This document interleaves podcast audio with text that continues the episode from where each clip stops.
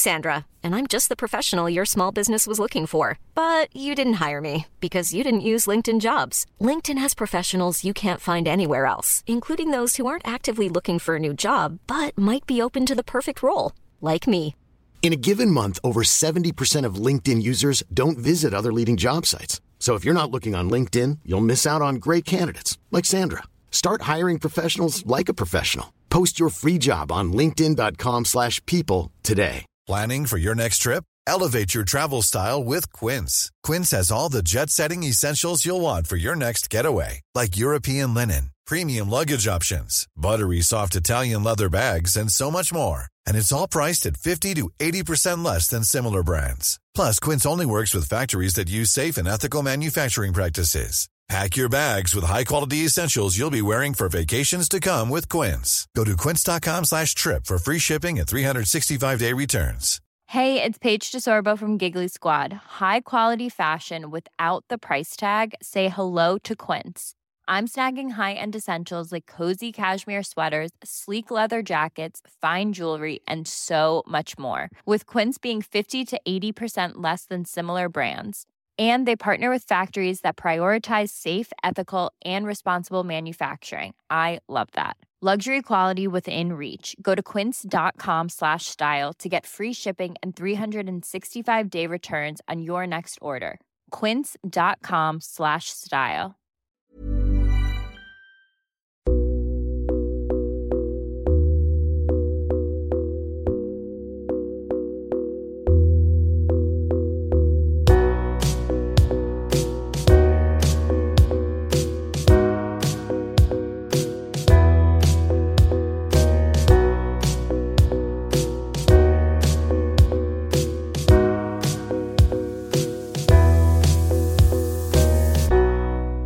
Du lyssnar på Säg vad du vill Åland, en lokal podcast med fokus på fria samtal.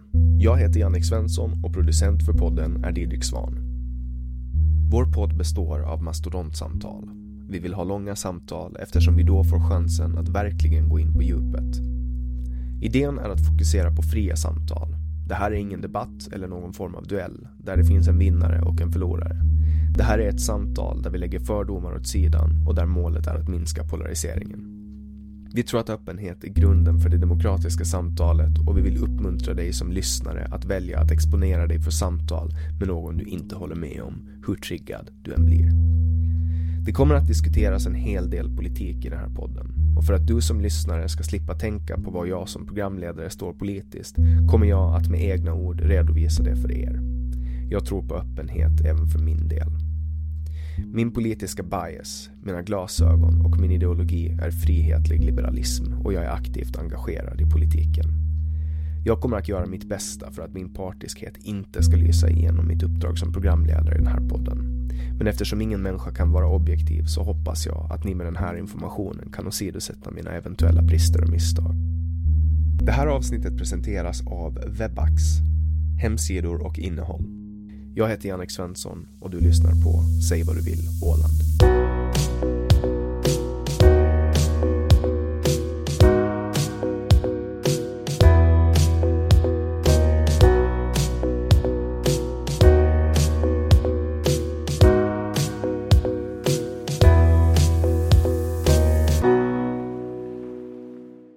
Peter Sjöberg är hjälte i sagan om den vita kängurun. Till vardags jobbar han med drönarfilm och media. Genom åren har han sysslat med allt möjligt, från ungdomsarbete till sommarpolis. Välkommen hit Peter. Tack. Så nu, nu inledde jag ju här med sagan om den vita kängurun. Kanske du vill kort berätta vad som hände den här morgonen när Åland vaknade till nyheten om att en vit känguru har setts på i Hammarland.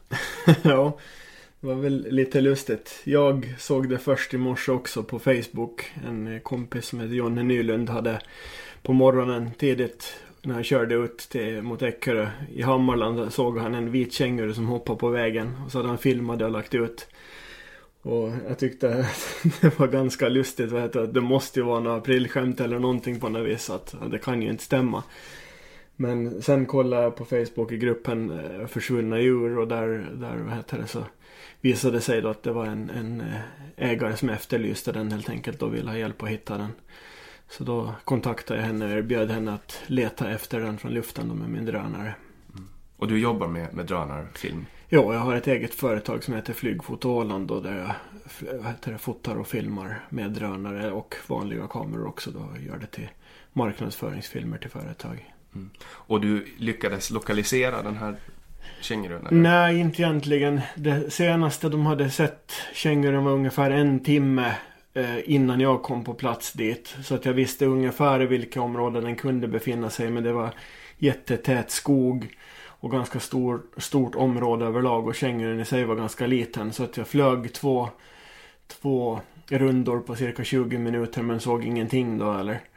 Men sen eh, såg jag den där gruppen som de hade skapat på Facebook att eh, de hade hittat den kängurun. Och då tänkte jag att då åker jag dit och ser om jag kan hjälpa till och övervaka från luften där medan de försöker fånga den. Och vad hände sen? Ni lyckades komma nära den då? Jo, då, då var den, hade den hoppat ner i ett väldigt djupt dike. Utan vatten dock, men, men den var fångad lite där. Så där kom de med ett stort nät som de skulle försöka fånga den med. Och vi var ganska mycket människor där som försökte eh, omringa den så att vi skulle få tag på den. Men eh, där lyckades den hoppa över mig. Jag gick ner i diket och skulle mota den mot nätet så hoppade den över mig. Eh, och hoppa in i skogen. Så då blev det att vi måste följa efter den in dit då. Och det hade just före det varit en riktig åskil med massor med regn som hade kommit ner. Så att det var jätteblött i skogen och ganska svår terräng. Så efter ett tag var det egentligen bara jag som orkade följa efter den och de andra sakta ner lite. Så då eh, skickade jag skärmdumpar på var jag befann mig på Google Maps då. Att de kunde hitta vägar som eh, kom längre fram då så att de kunde genskjuta oss så att säga. Försöka hjälpa till att fånga den på nytt där då. Och sen lyckades ni lura in den i något? Ja, den vad heter det. De fick tag på någon från OMHM som skulle komma med, med bedövningspiller och hjälpa till att fånga den.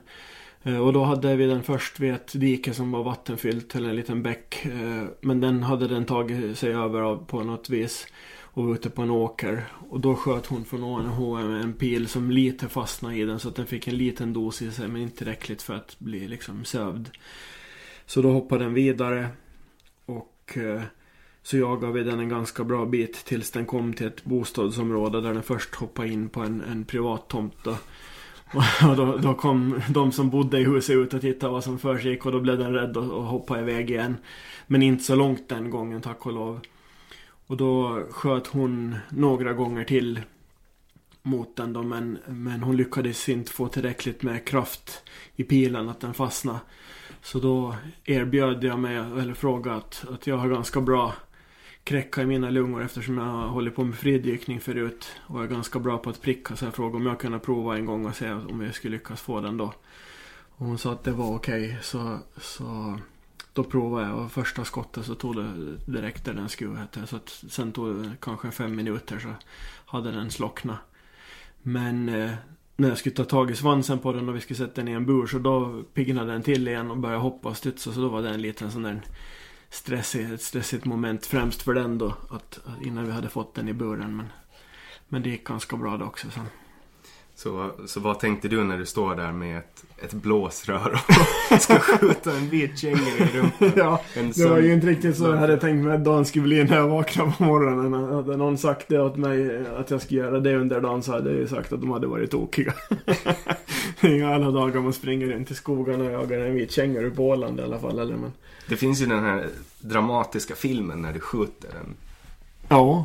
Det ser ju väldigt, det ser, det ser, du ser ju ut som en djursjö. ja, tack. Jag tänkte så här direkt, jag bara, ah, där står en djursjö. Men ja. är ju Peter. Ja, ja, ja. Nej, jag är nog ingen djurskötare. Men däremot har jag nog ganska god hand med djur och är ganska bra på att läsa av dem överlag. Och, och veta när man ska backa lite och när man ska stå stilla och röra sig och sådär. Så att... Och det här är för att du har jobbat med ungdomar som du har lärt dig? Nej, jag vet väl inte. Jag har alltid haft intresse av djur och natur. Jag har, har varit naturfotograf tidigare och farit runt på hela Åland och fotat djur och natur. Så det är väl lite där jag har lärt mig det.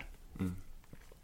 Just det. Och vi lärde ju känna varandra för fem, 15 år sedan. Ja, någonting sånt. När, när jag, var, jag var ett litet barn och, och åkte till mm. Mariabad och simma. Ja. Och du jobbade där och, och sen började jag fridyka tillsammans med dig. Mm. Eh, och du, du pratade lite om att lungkapaciteten från fridykningen hjälpte dig att skjuta den här pilen. Men för de som inte riktigt känner till fridykning, vad, ja. vad är det för någonting?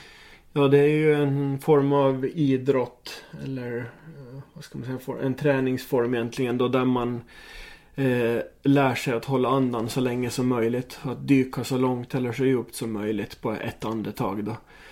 Och där måste man helt enkelt träna upp sig och lära sig hur kroppen fungerar för att, att kunna hålla andan länge då.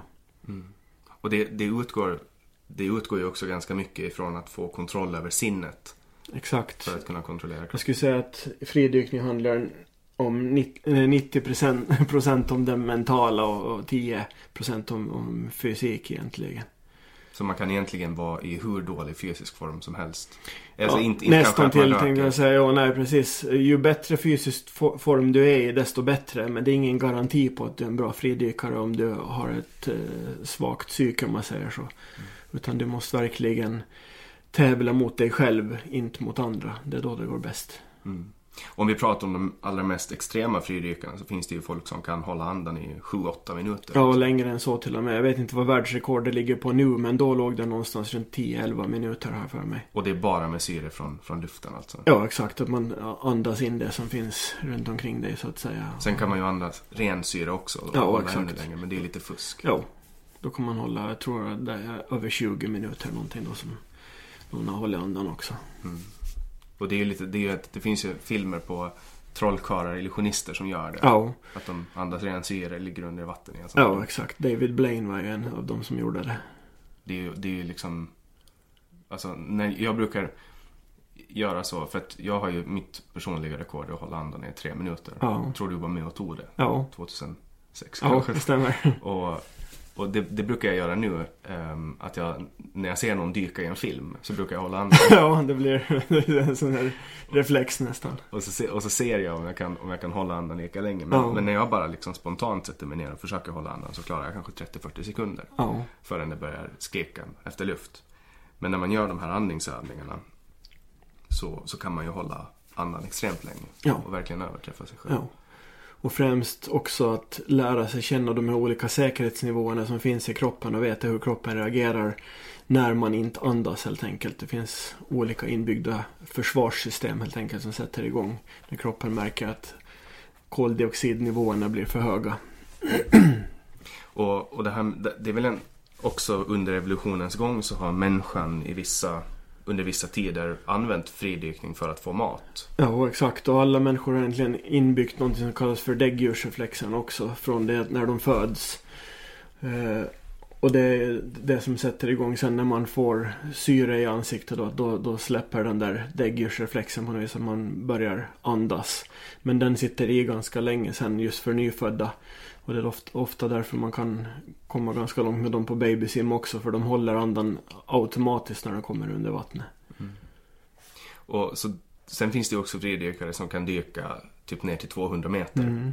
Det är ju också så här helt sinnessjukt. Ja, där var det en som heter eh, Nietzsche, tror jag.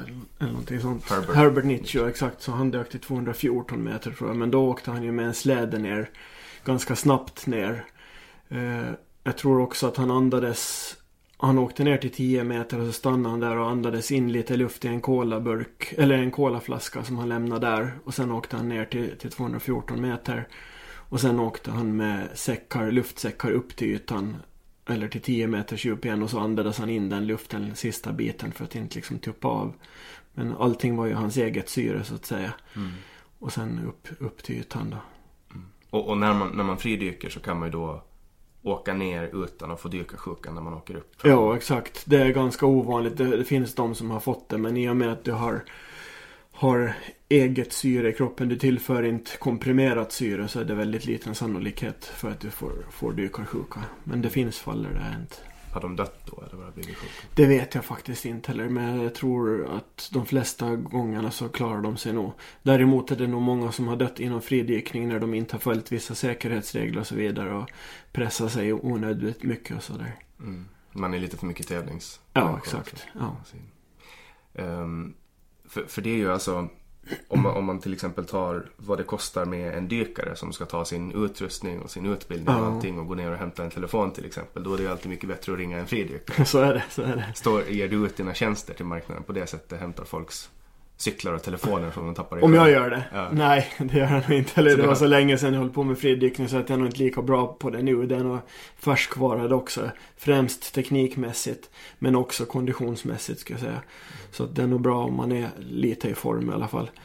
Eh, Men sen fördelen med, med en apparatdykare är att de kan ju vara längre under istället. Det, så att det är väl en avvägningsfråga det där. Men jag skulle säga att fridykning handlar mer om friheten snarare att kunna röra sig och komma nära djur och natur på det viset också.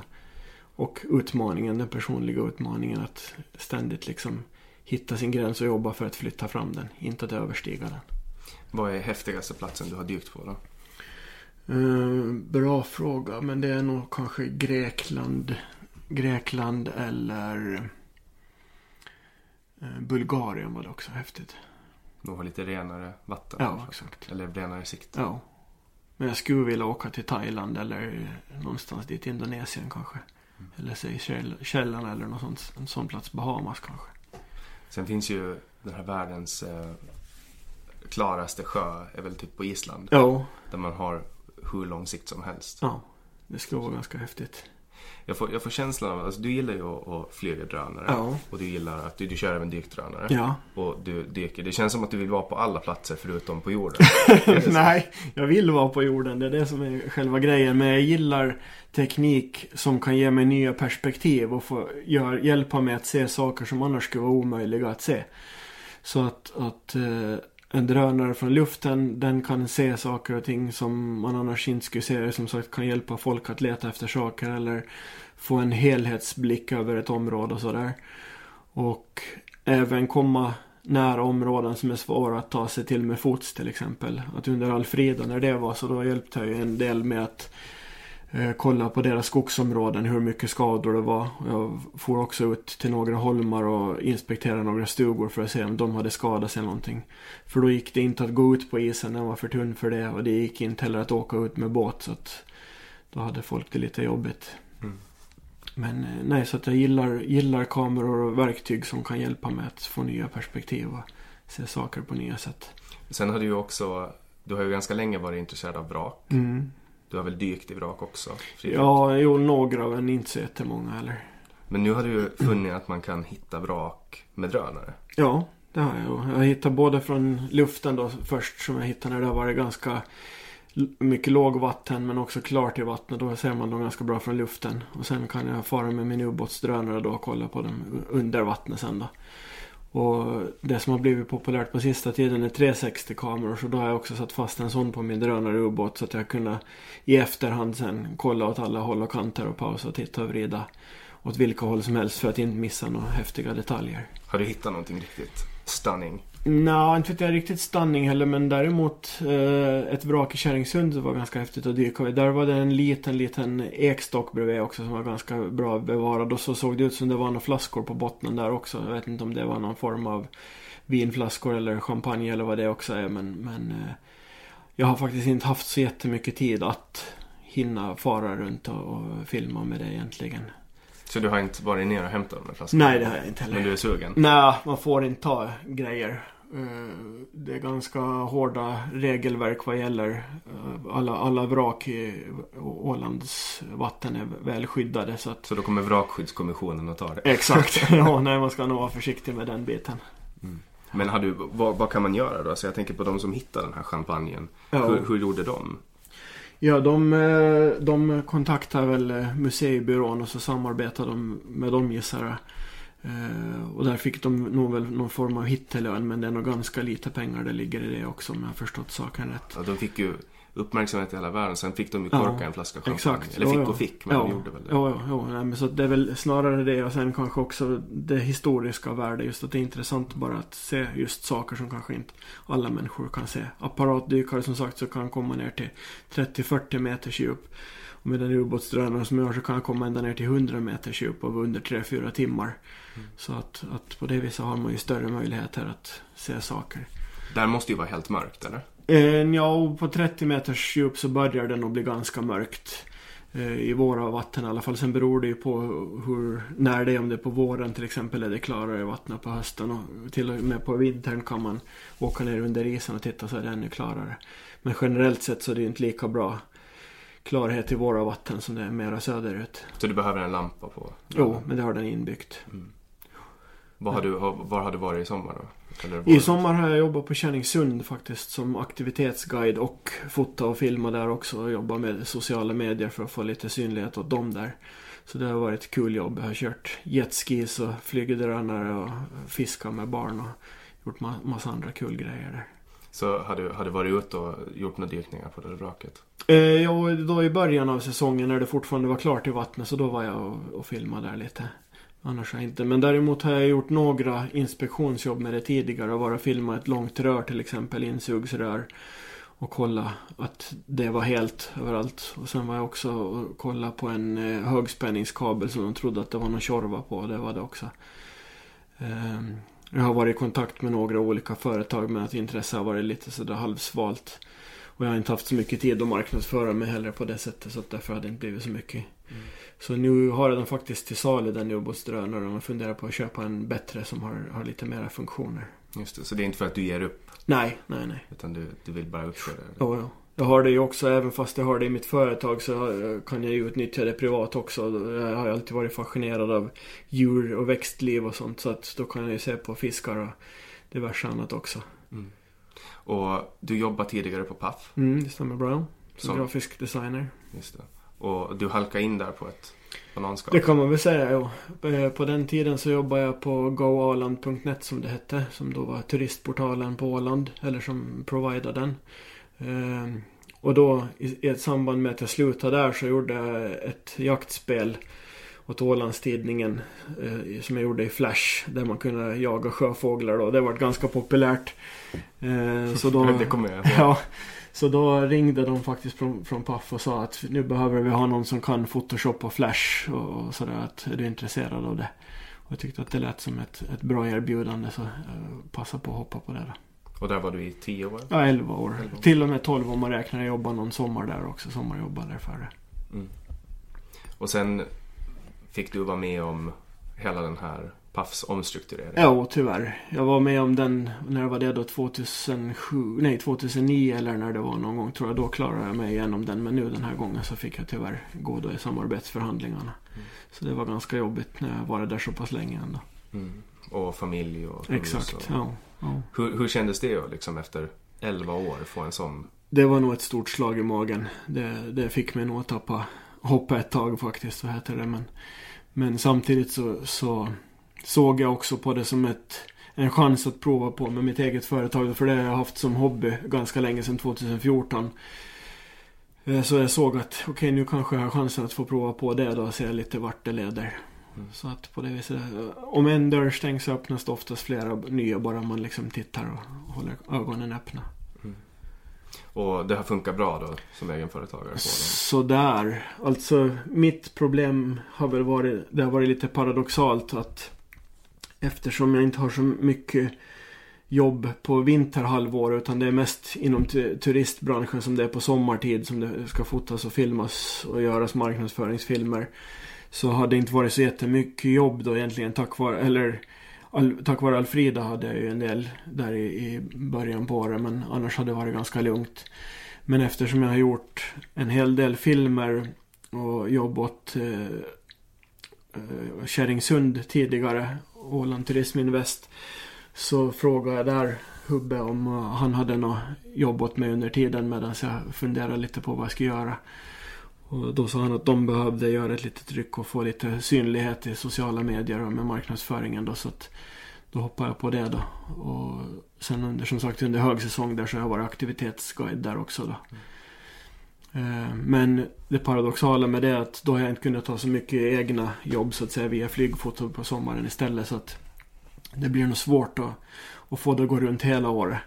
Men just nu har jag i alla fall avtal med Kärringsund att jag ska fortsätta åtminstone till, till i vår och, och se hur det funkar där. Och sen eventuellt kunna då istället köra mera flygfoto på sommaren. Och genom åren så har du sysslat med ganska oväntade saker. Ja. Du har bland annat sommarjobbat som polis. Ja, det har Utan gjort. utbildning. Exakt, ja. Eller man måste ju uppfylla vissa kriterier och sen behövde man gå en, en kort kurs då egentligen för att att få göra det. Sen jobbar man ju alltid tillsammans med en äldre konstapel. Men annars så hade man nog samma rättigheter och skyldigheter som vilken polis som helst egentligen. Då. Det låter ju inte som någonting som ska hända idag. Nej, idag är det nog väl lite svårare att göra det. På den tiden gick det som sagt. Men nu idag har de nog inte det längre. Jag tror om man har kommit in i polisskolan så tror jag att man kan få, få jobba där på sommaren. Men annars är det nog svunna tider det hör till. Så, så hur, hur, hur gick det till då? Du, du sökte jobb och så Ja, helt plötsligt bara satt du i en polisbil med en uniform. i princip. ja. Nej, men jag såg att de hade annons efter det och då kontaktade jag dem och, och, och, och frågade vad man behövde ha för utbildning och grejer.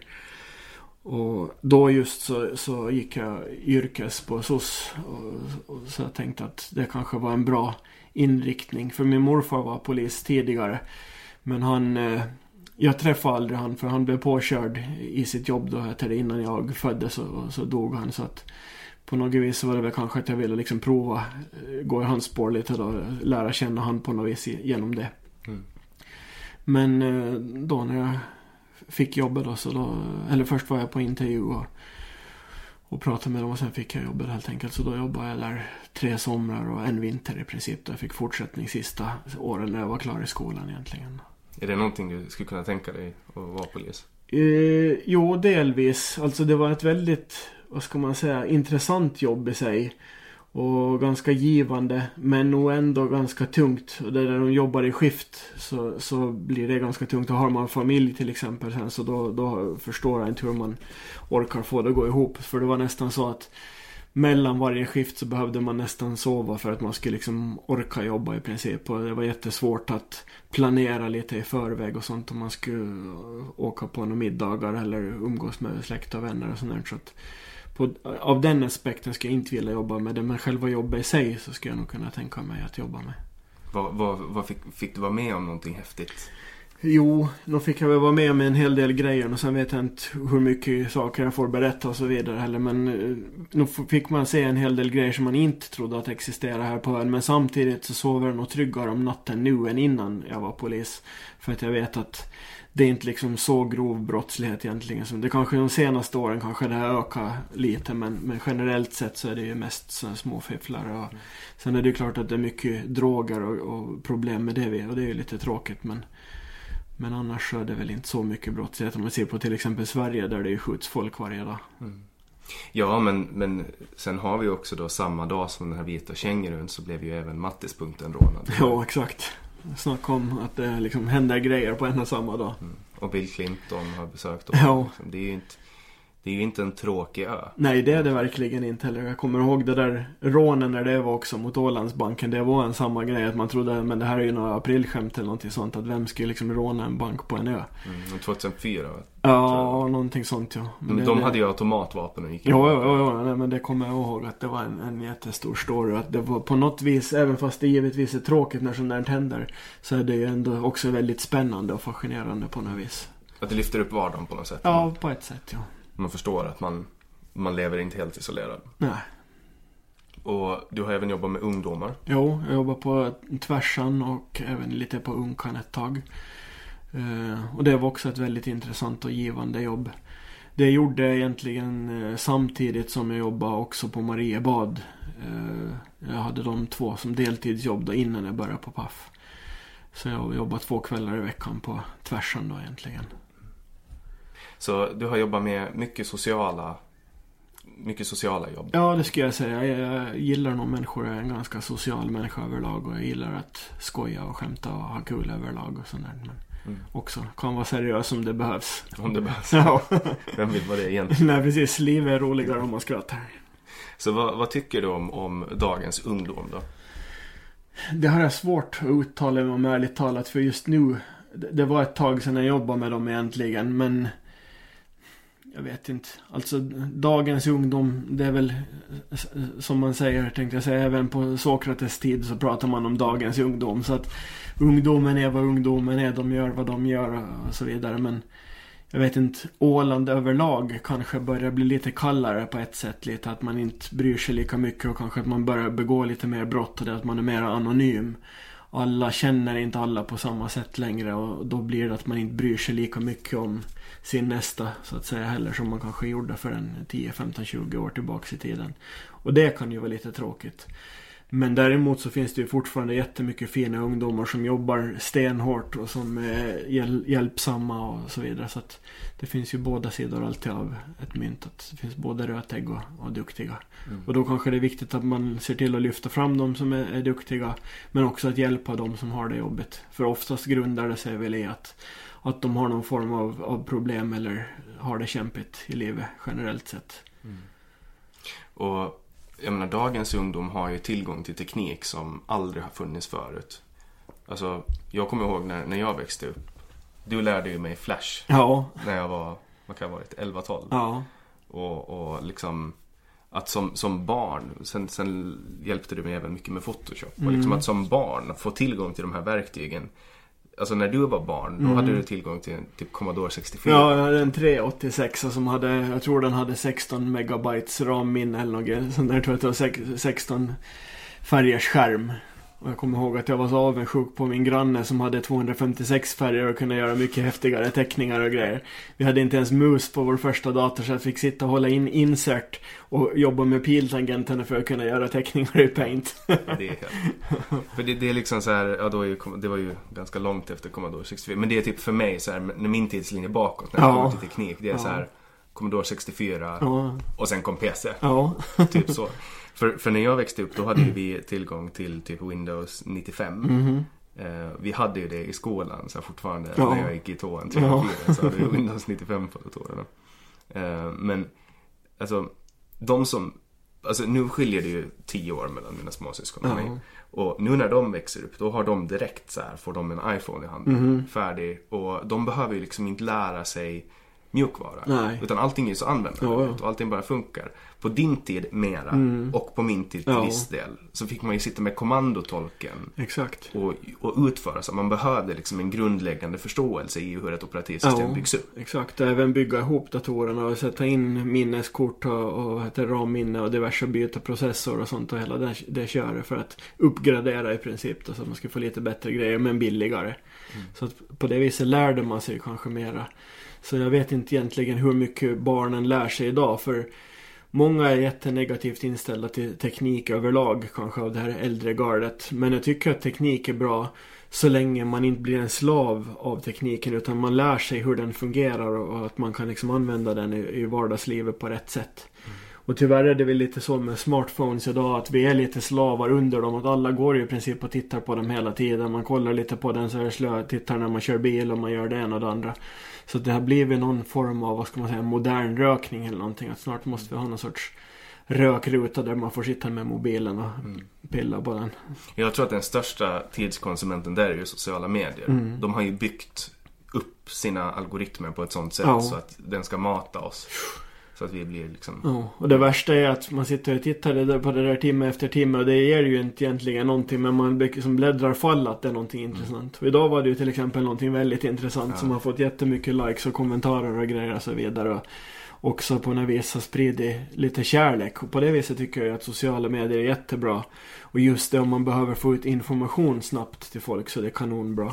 Mm. Men sen finns det som sagt en, en mörk sida av det också som vi alla behöver jobba med, även jag. Mm. Ja, jag, som, jag kan ju sitta liksom, eh, alltså om jag ska jobba, jag jobbar ju i princip bara vid dator. Mm. Jag behöver liksom ibland, för att överhuvudtaget kunna jobba, logga mm. in på ett konto på min dator mm. som inte är, har Facebook i mm. webbläsaren. Det är så enkelt liksom att bara gå in och sitta och oh, ja. hålla på. Ja, om man blir fast i det. Och, och det här är ju, alltså både på gott och ont. Alltså vi är ju mer sociala än vad vi någonsin har varit. Mm. Men samtidigt om man kollar till exempel på hur det här har slagit ut samhälles och mm. ungdomsgårdar. Ja. Det är ju inte en grej längre. Nej. Och jag tycker att generellt sett så är vi inte sociala på samma sätt. Att vi kanske träffas och umgås på det sättet mer. Utan vi har kanske mycket kontakt med varandra just via sociala medier. Men det känns ofta ganska ytligt egentligen. Och jag tror att folk lite också börjar tröttna på många av de här på, på Facebook och Instagram och så vidare. Att man, det känns som att man har sett det mesta. Och kanske just därför blir sådana här stories sen med, med en vit känguru liksom jättestora. För då är det någonting nytt som ingen har sett tidigare. Men... Eh, överlag så skulle vi nog borde komma ifrån det lite. För jag kommer ihåg på den tiden när jag får runt med min eh, kompis Johan Mattsson som var DJ på den tiden. Så får vi runt till olika ungdomsgårdar och jag hjälpte till att bära högtalare och ordningsvakt och så vidare. Men sen när mobilerna började bli mer och mer vanliga. Då var det så att det kom några ungdomar dit och så skickade de mest typ nej det är ingen här. Och då, då kom det inte flera dit heller. Utan det liksom spred sig, men då får vi någon annanstans. Medan innan mobilerna kom. Då kom ungdomarna dit. De måste komma dit för att kolla om det var någon där. Och då blev det ju mer och mer ungdomar. Och till sist så var det liksom stort gäng och, och det vart kul. Mm. Och så är det väl lite överlag idag. Att, att folk kanske inte umgås och träffas lika mycket på det viset. Utan det blir mer att man snackar och håller kontakt digitalt. Mm. Och det är ju lite tråkigt tycker jag. För, för jag kan minnas liksom i, i ungdomen, då var ju MSN en grej. Ja. Uh, det finns väl inte idag? Ja, jag är tveksam till det. Jag skulle, jag skulle bli jätteförvånad om ja. det överhuvudtaget existerar. Ja. Och då satt man ju och chattade med folk. Liksom. Ja. Men då var ju att chatta, då gick man ju in och så satt man sig ner i chattprogrammet och så ja, öppnade man fem olika chattfönster. Och sen satt man och skrev. Då var det liksom som en på... Och då, förväntade, då, då förväntades det att man skulle liksom sitta och skriva. Uh, måste bara flytta min hund. Att då förväntades det att man skulle sitta och skriva. Om man slutade skriva så kunde man skicka vibbar ja. och sånt. Liksom. Ja. Uh, idag så är ju liksom, ibland kan det gå men, 24 timmar förrän jag svarar på ett Facebook-meddelande. Mm. Uh, och det är liksom inte på samma sätt. Men å andra sidan så kan man ju kontakta vem som helst ja. på Facebook. Ja. Jag vet, vet, inte när jag senast frågade om någons telefonnummer. Nej. Det är ju en grej in the past. Ja, känns det som. Idag gjorde jag faktiskt det just till hon här Therese då som ägde den kängurun för att jag skulle kunna ringa upp henne. För ibland, just till exempel om man kör bil då så är det inte så där bra om man ska sitta och skriva samtidigt. Så att då är det ju smidigare att prata till exempel. Men, eh, ja. Ja, jag, jag, ringer nästan aldrig på nummer. Jag ringer på Facebook Messenger. Typ. Ja, ja. Man har ju typ internet överallt. Ja, ja. Men, eh, ja, nej det kan nog vara att, att det förändras åt det hållet också. Med Kanske en generationsfråga också. Ja. Jag tycker att det är klumpigt. Och sen det, det som jag reagerar mest på när jag ska ringa någon eh, via mobilnätet är hur dålig kvalitet det är. Mm. Det är ju sjukt dålig kvalitet. Ja, ibland är det Och man måste nästan skrika. ja. Medan Facebook Messenger eller WhatsApp eller vilket röstprogram som helst egentligen har, ja. har hög kvalitet. Ja. Uh, och sen, vad har, du, vad har du mer gjort? Du har jobbat som grafisk designer, du, har, du flyger drönare nu, du har jobbat som sommarpolis. Jag har också en uh, ett svagt minne av att jag som barn var otroligt imponerad över att du hade varit med och designat någonting till Stalker, Shadow of Chernobyl, som var ett spel. Ja, fast eh, jag hade inte riktigt designat någonting till själva spelet egentligen, utan eh, jag hängde på ett forum egentligen då där eh, alla sådana som var fans till själva spelidén hängde.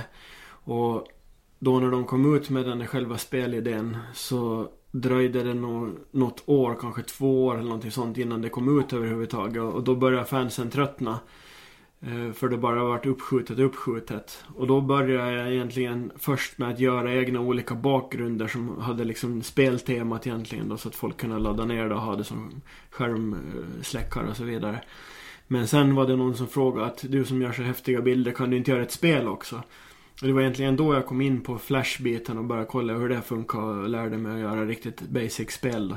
Och efter det så, så började jag lära mig mer och mer och göra fler och fler. Så att till slut vart jag så stor liksom inom det där community då. Så att sen när de släppte spelet så då nämnde de mig i creditsen mm. där också då. För att jag hade liksom hjälpt till att hålla community vid liv så att säga. Och nu är det ju högaktuellt, Tjernobyl. Ja. Tack vare HBO-serien. Mm. Har du sett den? Nej, jag började titta på den. Men som sagt, jag har ganska lite tid överlag. Så att jag har inte hunnit fortsätta titta på den. För, för det här, jag, jag är ingen stor serie eller filmkonsument. Uh. Men av det jag har sett så är Tjernobyl det bästa jag har sett någonsin. Ja. Okay. Ja, man måste ta och titta på den. det, är så, det är så välproducerat. Och, och, den här idén bakom det här spelet då, som du fick ditt namn ja. i credits, det är ja. ganska, det, är, det rankar ju sig upp med, du vet, Åland och jultomten. Alltså, eh, då hade de eh, återskapat hela den här, hela Tjernobyl-zonen ja. i spelet. Och, kunde, och det här var ju länge sedan. Det var ju superlänge sedan. Eh, men, men, alltså, när jag, när jag tänker på Tjernobyl och, mm. och hela den här grejen. Det här hände ju långt, långt före före jag levde. Men du kommer väl ihåg? Jag har svaga minnen av det. Jag kommer ihåg att mina föräldrar bland annat sa att vi inte fick äta bär i trädgården och de var inte plocka svamp och sånt där för att de sa på nyheterna att i princip så kunde det liksom sprida sig eh, över oss då egentligen. Jag har för mig att det var typ 12 april 1986 eller någonting sånt som det hände det där. Eh, men eh, så jag har svaga, svaga minnen av det. Men att jag var ganska liten också då så att När är du född? Är född 77. 77. Så hur gammal är du då? 42 fyller jag nu i år. 42? Då var du typ 30 när vi lärde känna varandra. Ja, någonting sånt. 28 någonting. Ja. Det är, för mig är ju det liksom, eh, du är ju samma person som du alltid har varit. Ja. Men jag har ju varit ett barn. Ja. När, du, när vi lärde känna Ja. varandra så var jag liksom liten. Ja. Så det, Men du har ju utvecklats väldigt mycket. ja, det får man ju hoppas. Ja. Det skulle vara tråkigt om jag skulle vara en liten röd 12-åring fortfarande. ja. ja. Vet inte vad jag skulle, skulle, skulle permanent fastna i barndomen. Mm. Nej men det har hänt, alltså. Jag kommer ihåg för kanske, det måste ju också ha varit så här tio år sedan när, när eh, så fort det började åska Mm. så skrev jag till dig på MSN. Ja. Och så åkte vi ut och så fotograferade vi blixtar. Yes. Det var- det var också en rolig tid i mitt liv. Jag kommer ihåg det också att Och folk tipsade mig just överlag så här när det var oväder. För jag älskar ju att att försöka fånga blixten på bild och det är ju ganska svårt när vi bor på en ö. Och ofta var det så att man såg på de här åskgradarna att okej nu är det ett oväder på gång nere i Östersjön och kommer på väg upp hit mot Åland.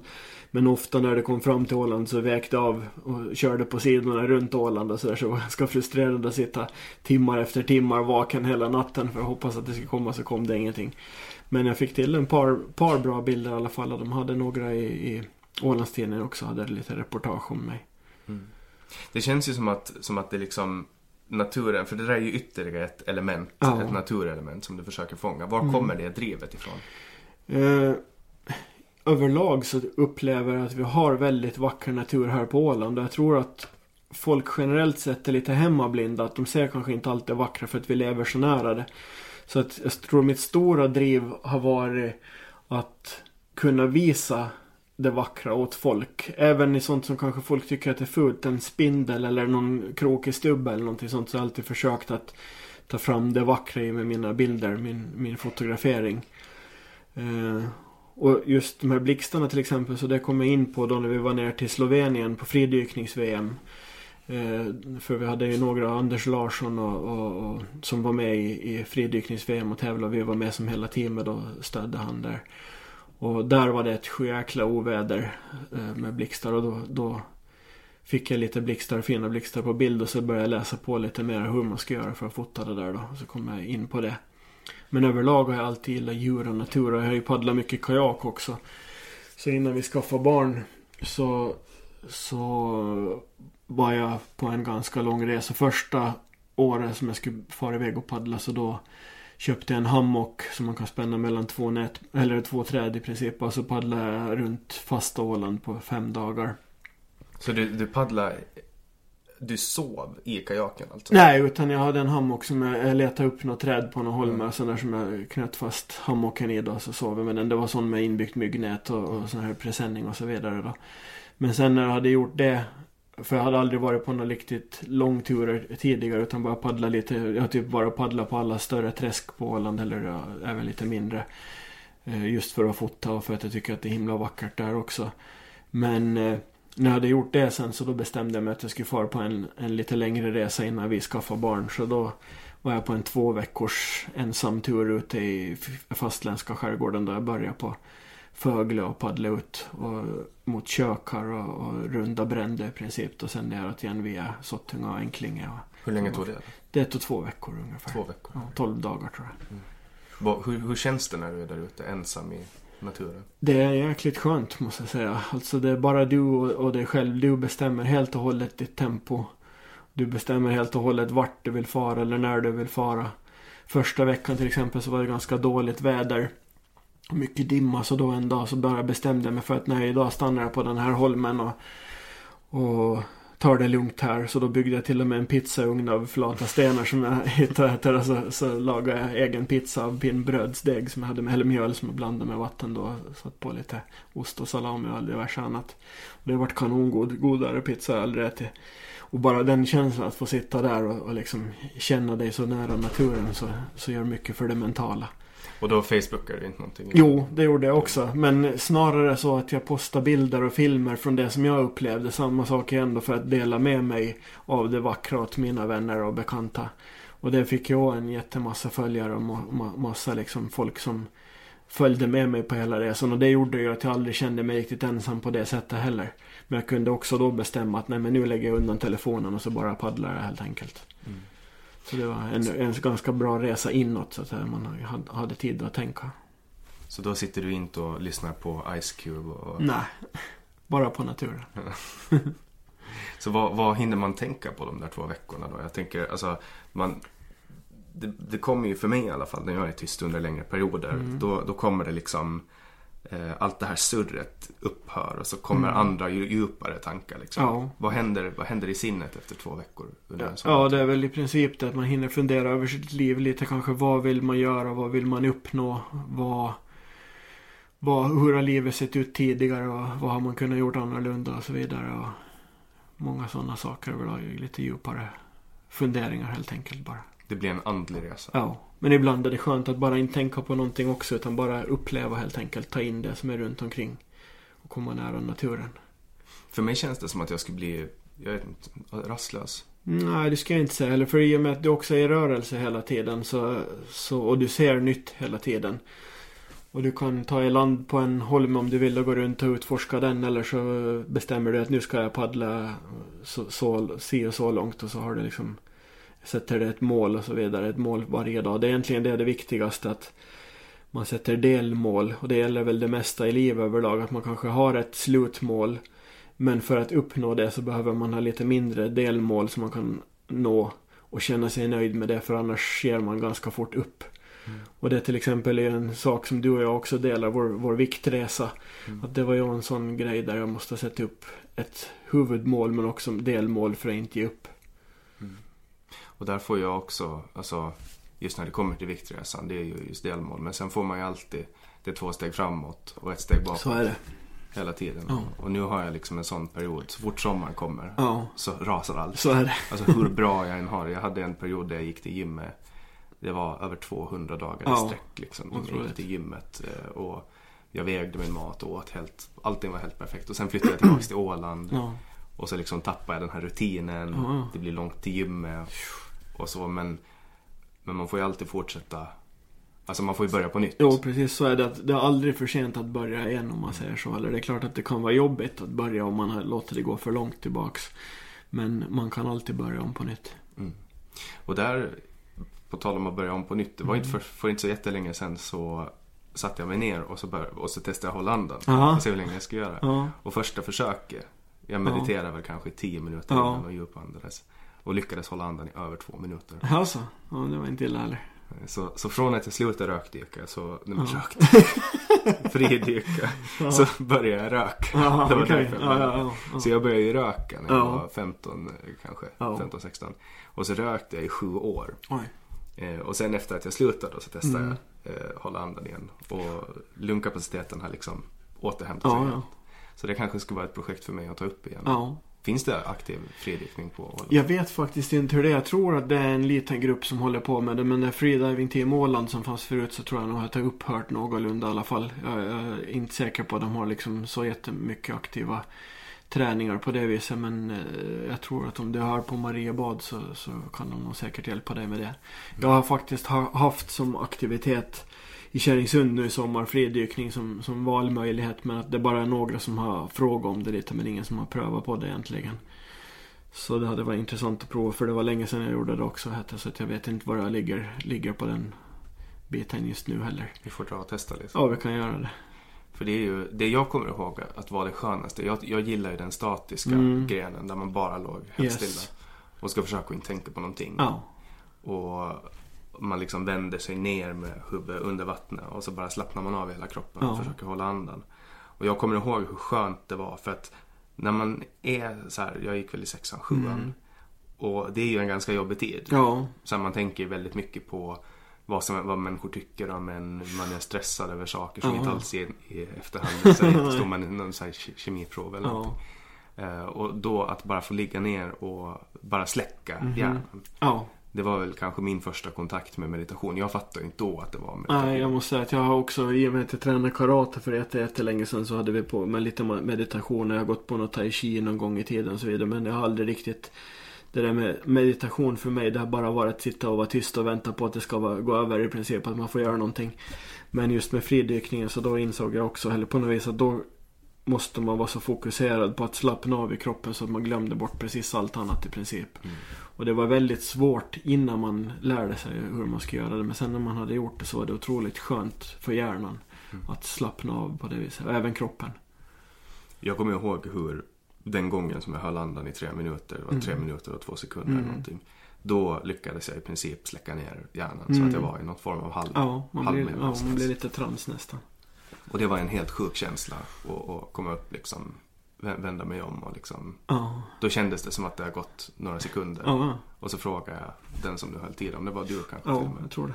Så frågade jag hur länge det har gått och så visade. Ja. Och, och det är sånt här, nu på, på senare år så har jag mediterat, Mm. börjat meditera för att ehm, det, det är en viktig del Mm. av, av, alltså, av mitt liv för att jag ska kunna må bra. Ja, Är att jag ska kunna sitta i tystnad och känna alla de här känslorna som kommer. ja, För att kroppen har något Ja, men ett effektivt sätt att bara lagra undan känslor. Så här, Mm. "Nej, Jag har inte tid att känna den här känslan nu. Jag har två kunder som jag måste träffa och det liksom funkar inte och jag måste få det här gjort. Och då liksom bara så på något sätt trycker man undan det. ja. När man, när man sätter sig ner så kommer de här känslorna upp till, till ytan. Mm. Och, och jag har sagt det förut i, i den här podden, prata om det, att, att när jag var på yoga första gången så, så sa yogaläraren till mig så här att ja, men nu när det är första gången för dig så kanske du kommer att, du kanske kommer att känna massa känslor. Kanske bli ledsen eller, eller så. Låt det bara komma liksom. Och jag tänkte, men vad, vadå? Ska jag bli ledsen för att jag står och sträcker lite på mina lår? Vad, vad, vad är det? Men det kom. Alltså, jag började gråta. Alltså. Och, och så frågade jag min syster, som är yogalärare, Ja. varför händer det så här? Så sa hon att men, man går runt och så lagrar man alla känslor i Ja. kroppen och sen när man slappnar av så kommer de upp igen. Men största delen av mitt liv har jag typ försökt förkasta det som sådana människor säger. Du vet, Ja, ja. människor med, yogamänniskor med sja- Ja. sjal, sjalar. Ja. Går runt och kan känslor. Men, men det är en, känslolivet är ju en större del ehm, än vad man skulle kunna tro. Liksom. Mm. För att ofta, jag tycker att alltså speciellt skolan och skolsystemet idag uppmuntrar oss inte så jättemycket Nej. att, att känna de här känslorna. Och speciellt inte sociala livet i skolorna. Liksom. Nej. På tal om skola så ska jag göra klart mitt gymnasium nu Mhm. i höst. Okej, Jag hoppar ju av gymnasiet okej. Spännande. och börjar jobba direkt istället. Okej. Jag tänkte att jag tar ett år liksom Ja. och så gör jag klart det Okej. sen. Jag Ja. kom ju in i gymnasiet precis under Ja, ja. gymnasiereformen. Så det ska bli spännande och som Ja. 25-åring börja på gymnasiet. Ja. Det är ju som vuxenutbildning. Ja, ja, ja, men det är väl bra det, gör det. Jag gick ju SOS ett år Ja, först. ja. Och där gick väl du också? Jo, jag gick där tre år. Det är väl kanske en, en bit som jag ångrar annars. Att jag inte har så jättemycket utbildning egentligen. För jag har, vad ska man säga, just som du sa förut, halkat in på bananskal på de flesta jobben jag har haft egentligen. Så att eh, ett jobb har ofta lett till ett annat. Och jag har alltid haft som princip att göra så gott ifrån mig som möjligt. Även fast jag kanske inte har kunskapen eller utbildningen. Men jag är alltid villig att lära mig av andra. Jag sätter inte prestige i saker och ting. Utan jag vill försöka göra ett så bra jobb som möjligt. Med de förutsättningarna som jag har.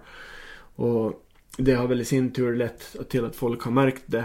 Och då har de Sen har det spridit sig och så har folk liksom ringt mig och frågat ja, men nu har vi ett jobb här, vill du komma och jobba och sådär.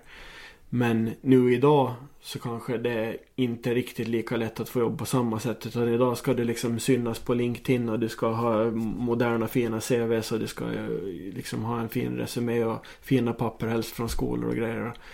Då gör det det lite jobbigare att, att liksom hitta någonting. Speciellt när man inte riktigt vet vad man vill bli när man blir stor som jag är. brukar jag säga. Ja, och sen har man ju också Jag tror också att du har haft mycket det här övertaget. Att du har varit självlärd i vissa program. Mm. Och så har det gjort att du har kunnat Ja. klara det. Det är ju det som har gjort att jag har klarat mig, harva mig fram liksom. Mm. Först har jag haft kontakter och, och kunnat skriva. Men sen har jag harvat mig fram genom sociala medier. Ja. och, och jobbar mycket med annonsering inom sociala medier och så. Och det får man Idag är det ganska svårt att liksom lära sig det i en skola. Ja. Att allting ändrar så snabbt. Ja. Och det finns så många olika skolor inom marknadsföring. Ja. Alltså det finns Google AdWords Ja, och så ja, finns det sökmotoroptimering och Facebook Business Manager. Alltså. Det finns liksom hur mycket som helst. Exakt. Så man har ju möjligheter och jag tror att, alltså nu till exempel om man startar ett företag. Mm. Jag och min, min fästmö har sta- sta- har startat ett företag här i Finland nu när vi har flyttat hit. Och idag behöver man liksom inte ens bokföring eh, fysiskt. Man behöver inte papper, man bara tar bild på dem. Mm. Och så kan man ha in dem i sitt bokföringsprogram. Och själva, alltså vi har inte varit i en enda myndighet under Alltså. den här tiden. Utan vi startar företaget, ett aktiebolag. Ja. Behöver inte aktiekapital överhuvudtaget för det har man slopat. Okej. Så vi har liksom inte haft en enda mänsklig kontakt under den här Ja. tiden. Nu har vi ett företag i telefonen. Okej. Och det här är ju första gången i mänsklighetens historia som Ja. men en 18-åring kan ha ett företag Ja. i mobilen. Ja. Och jag tror ju att, att det är mycket mer framtiden att man gör lite det här, lite det och lite det. Ja. Alltså man gör olika saker Ja. och så tar man betalt för det. Men det finns ju på Åland ganska mycket företagare överlag. Det är ett ganska, vad ska jag säga, företagarvänligt miljö.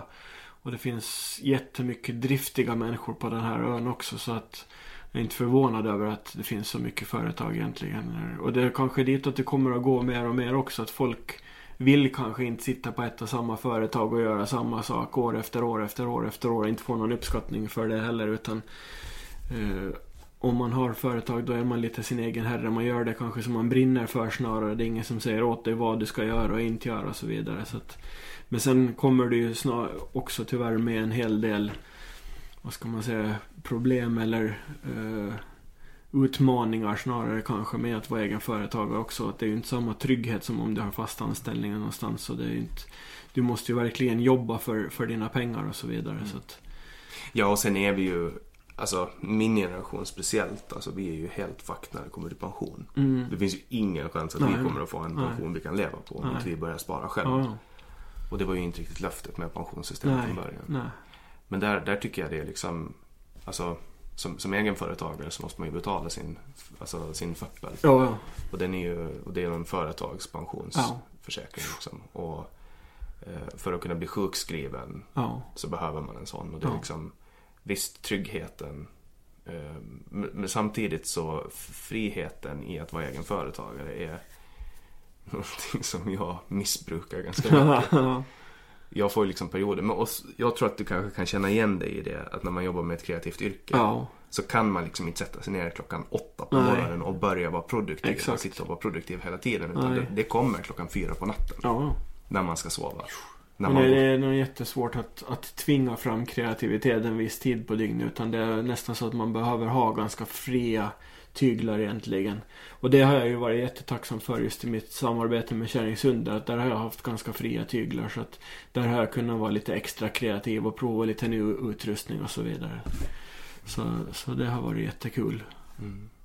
För, för just, jag, jag tror att desto mera automatisering som kommer in, desto mindre förvaltning, offentliga sektorn och allting blir och desto fler människor som kommer ut på arbetsmarknaden, Mm. desto fler kreativa yrken tror jag att, jag tror att det är framtidens dom. Att vi går mot ett mer kreativt yrke. Eller alltså på, på alla sätt. Alltså, det kommer ju alltid nya yrken. Så här, folk tänkte att nu när skrivmaskinerskor försvinner Mm. och, och allt annat liksom som har varit i gamla skolan och produktautomatiseringar Ja. etc. Då trodde man ju att det kommer att sitta massa människor arbetslösa. Ja, ja. Men det dyker ju alltid upp nya marknader. Så är det. För att människor hittar på nya marknader och dels liksom Vem hade vetat för 10 år sedan att man skulle kunna vara en Google AdWords specialist? Liksom, eller för 20 år sedan. Ja. Och jag tror att det kommer att fortsätta men bara att det kommer att dra ut sig och bli ännu mer kreativt. Mm. Men ett annat problem inom, inom kreativa yrken är att folk vill inte betala för kreativitet. Nej, det är tyvärr en grej. Och det är jättesvårt att ta betalt också. Att veta vad man ska ta betalt. Och just i min bransch så har det varit jättesvårt. Det finns inte så många, eller har inte i alla fall funnits så jättemånga inom samma bransch och som haft prislistor öppna eller vad ska man säga publika.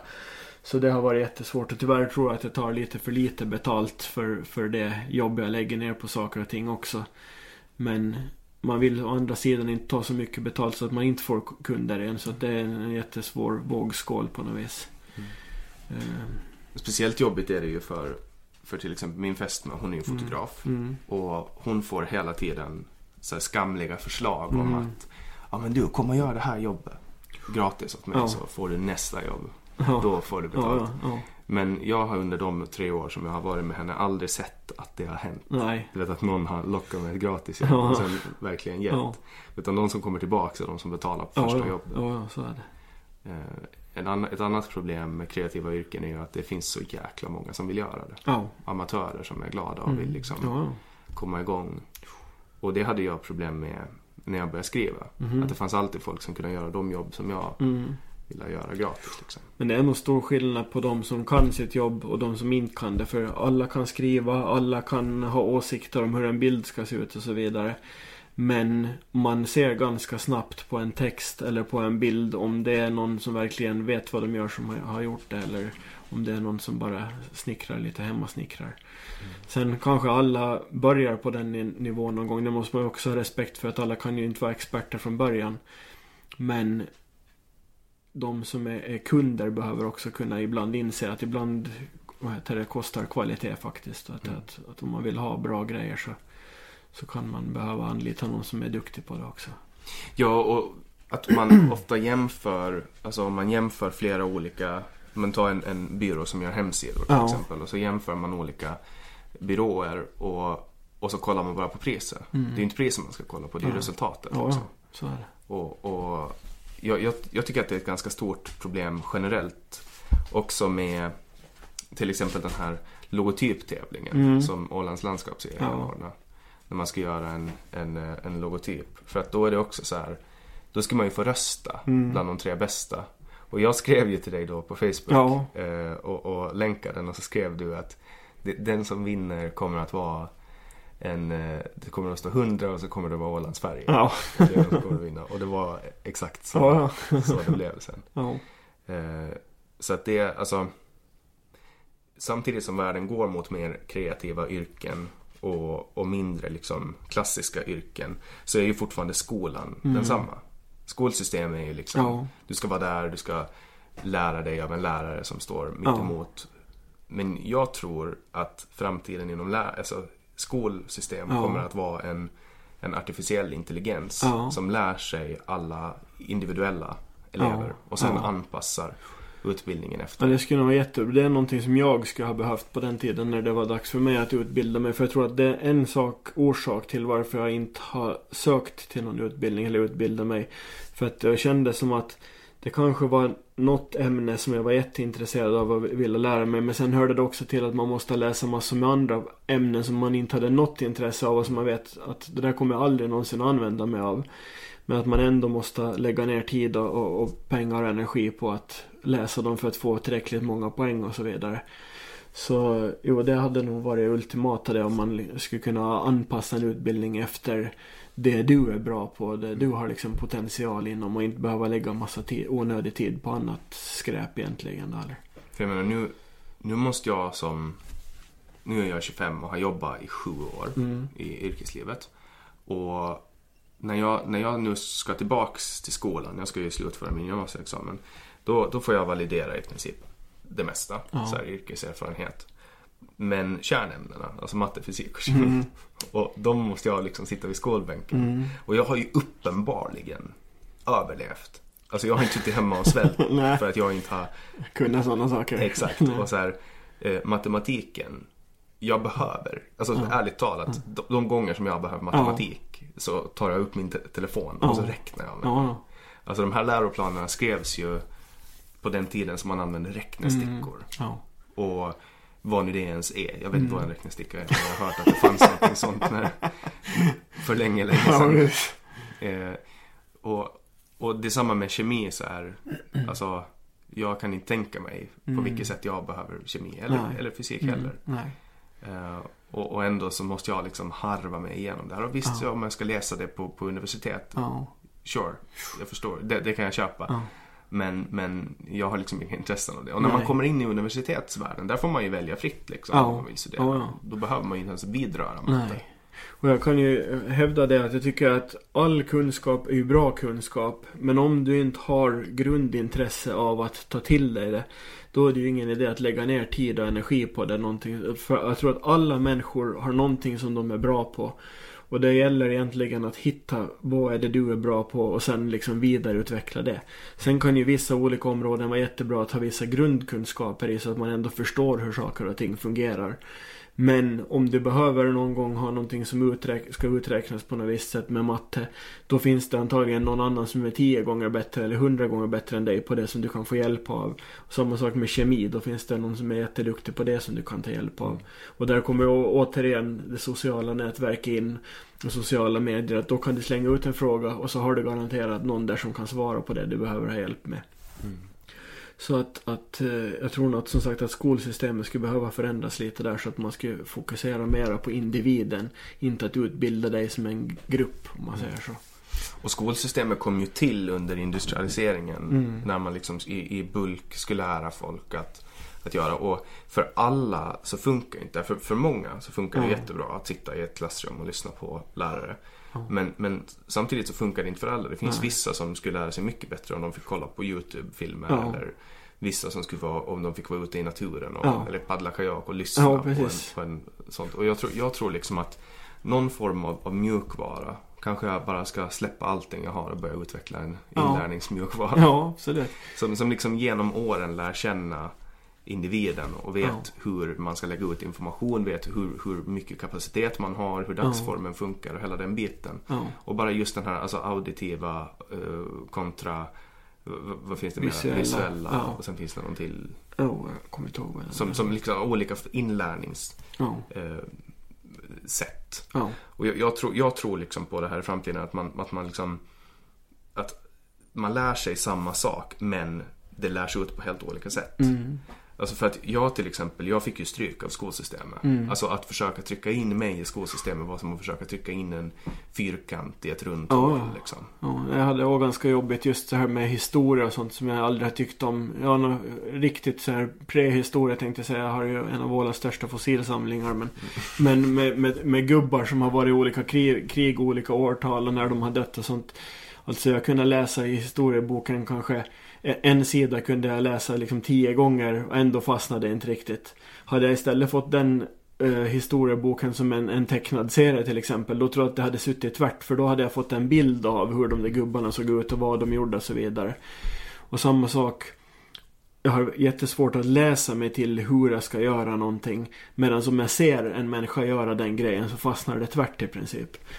Och som du säger så tror jag att det kanske kunde vara bra att, att ta reda på vilken olika typer av, av inlärningsförmåga olika personer har i skolsystemet och anpassa inlärningen efter det också, eller utbildningen efter det. Mm. För jag vet ju många som, som mig som, som liksom Anledningen att jag inte fortsatte i gymnasiet var ju hel, hel, hel, alltså, Dels var det ju gymnasiereformen mm. men också så var det att jag blev sönderdunkad av skolsystemet. Ja. Alltså jag mådde så dåligt ja. av Dels så, så, var det för tidigt på morgonen. Ja. Jag, jag klarade liksom inte av det. Uh, och, och, det var någonting fysiskt i mig. Alltså det var inte att jag hade dålig moral. Det var, för, det var för jobbigt att stiga upp den tiden. Ja. Och sen skulle man liksom sitta och hålla på med någonting som man inte förstod. Ja.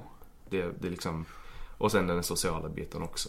Det är tufft socialt när man är ung. Ja, Det är jävligt tufft. Men, men så har det väl kanske alltid varit. Var det så på din tid också? Jobbigt att vara i skolan på grund av vad andra mm. tänkte och så? Ja, tänkte säga så har det väl alltid varit med ungdom överlag. Att man alltid fokuserar på vad andra tänker och tycker och så vidare. Så att, och det har väl jag, jag säkert varit i också när jag var yngre. Men det tror jag inte att man kommer att komma ifrån på det viset. Oavsett hur man än gör skolsystemet så kommer ungdomar alltid ha en sån period när man bryr sig jättemycket om vad andra tycker och tänker. Hur man ser ut, vad man har för kläder på sig och så vidare.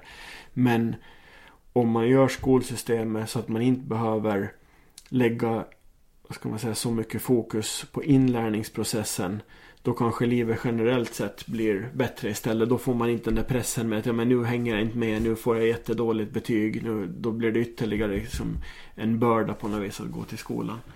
Mm. Så, så återigen så hade det nog varit viktigt där eftersom det är en jobbig tid ändå som ung att, att fundera, hitta vem man är och så vidare vad andra människor tycker och tänker om en. Mm. Och i den här podden så har vi pratat väldigt, det har blivit mycket, mycket, mycket politik. Mm. Just för att eh, det har varit supervalår och för att jag är intresserad av politik och Ja. för att många gäster har varit politiska.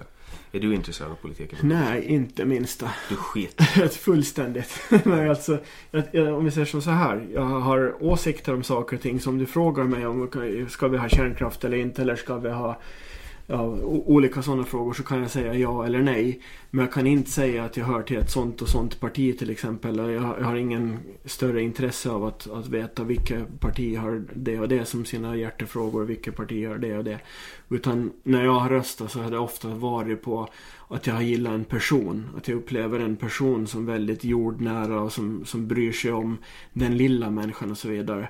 För hur man än vrider och vänder på det så de som har pengar, de som har jobb och så vidare, de klarar sig alltid oavsett vad vi än gör med systemet. Oavsett om vi gör att de får betala mer skatt och så vidare. Eller vad vi än gör så klarar de sig.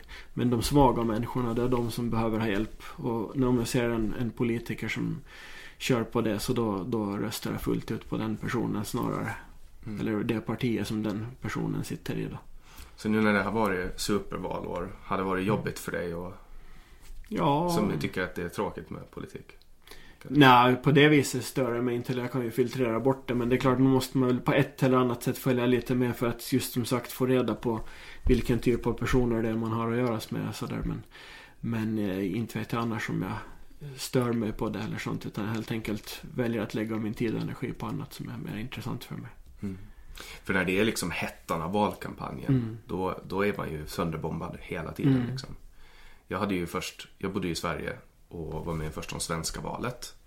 Och sen eh, finska presidentvalet och sen finska riksdagsvalet. Mm. Och nu EU-valet och nu kommer lagtingsvalet och, och kommunalvalet. Så det har varit jäkligt mycket val. Ja. Jäkligt mycket.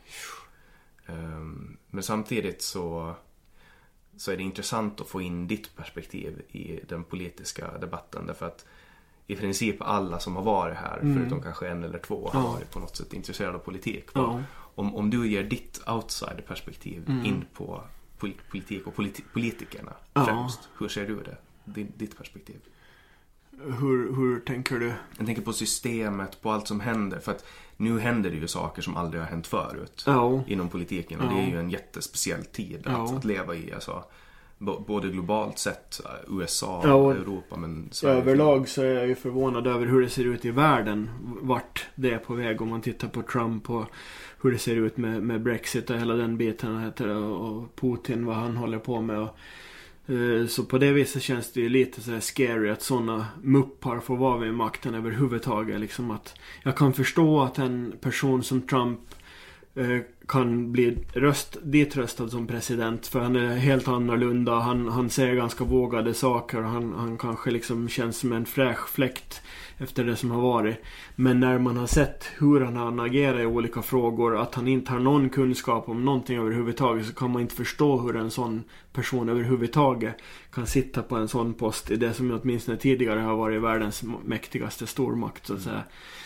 Så, så nej, på det viset är det skrämmande. Men samtidigt så ser jag jättemycket bra politiker också. Främst kanske lokalt och sådär. Till exempel Mats Lövström tycker jag att har varit helt fenomenal.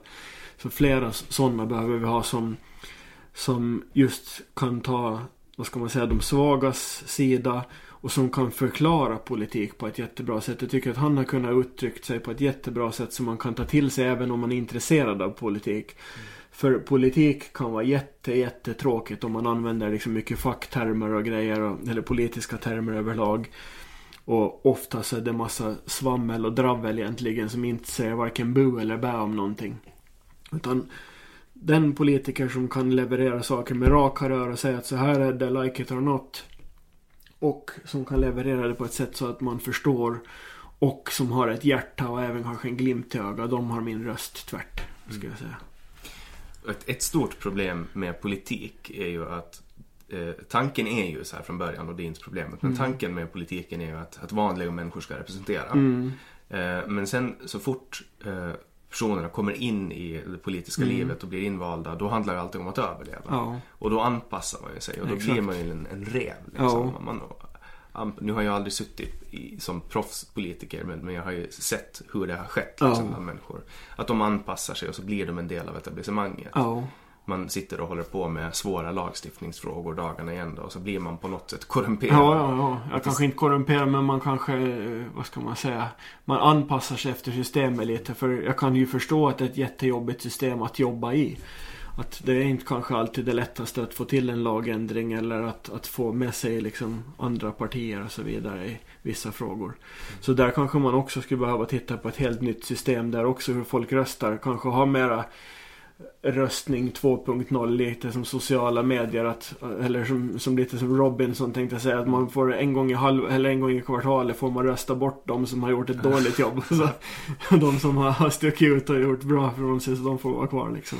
Jag, jag är för ett system med mer direktdemokrati. Ja. Alltså vi har ju all infrastruktur för att tar man till exempel svenska eh, bank-id-systemet så är det liksom en universell app där man Mm. legitimerar sig med en, en, man legitimerar sig till banken med en, ett ID utfärdat av Skatteverket.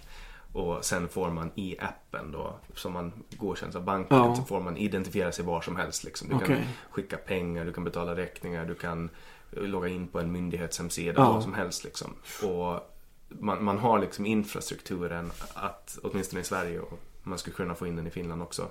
Och den finns delvis, men inte, inte en central. Men, men man skulle kunna anordna röstningar via en app. Ja. Typ rösta.fi. Ja. Och så fick man gå in och rösta. Och Mm. då kunde man också, för ett, i ett direktdemokratiskt system som jag ser framför mig, då får liksom folk som du och jag, vanliga människor, gå in och rösta. Och då kan vi också rösta mot våra partier. Ja. Så att vi kan delta i röstningarna samtidigt som de görs till exempel i lagtinget Ja. eller i riksdagen. Ja. Och då får vi möjlighet att, för att, att problemet idag är att nu ska vi köpa ett paket, ett parti. Och nu ställer jag upp för ett parti och då finns det massa andra som ställer upp i det partiet och alla har ju olika frågor de vill driva och det är Ja. inte alltid som man har total konsensus inom partiet.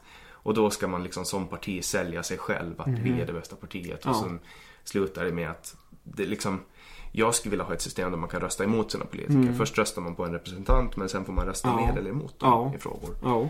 Eh, För att då får man också tydligare vad väljarna vill. Ett exempel i Sverige på vad väljarna vill är ju till exempel där Sverigedemokraterna har växt jättemycket. Mm.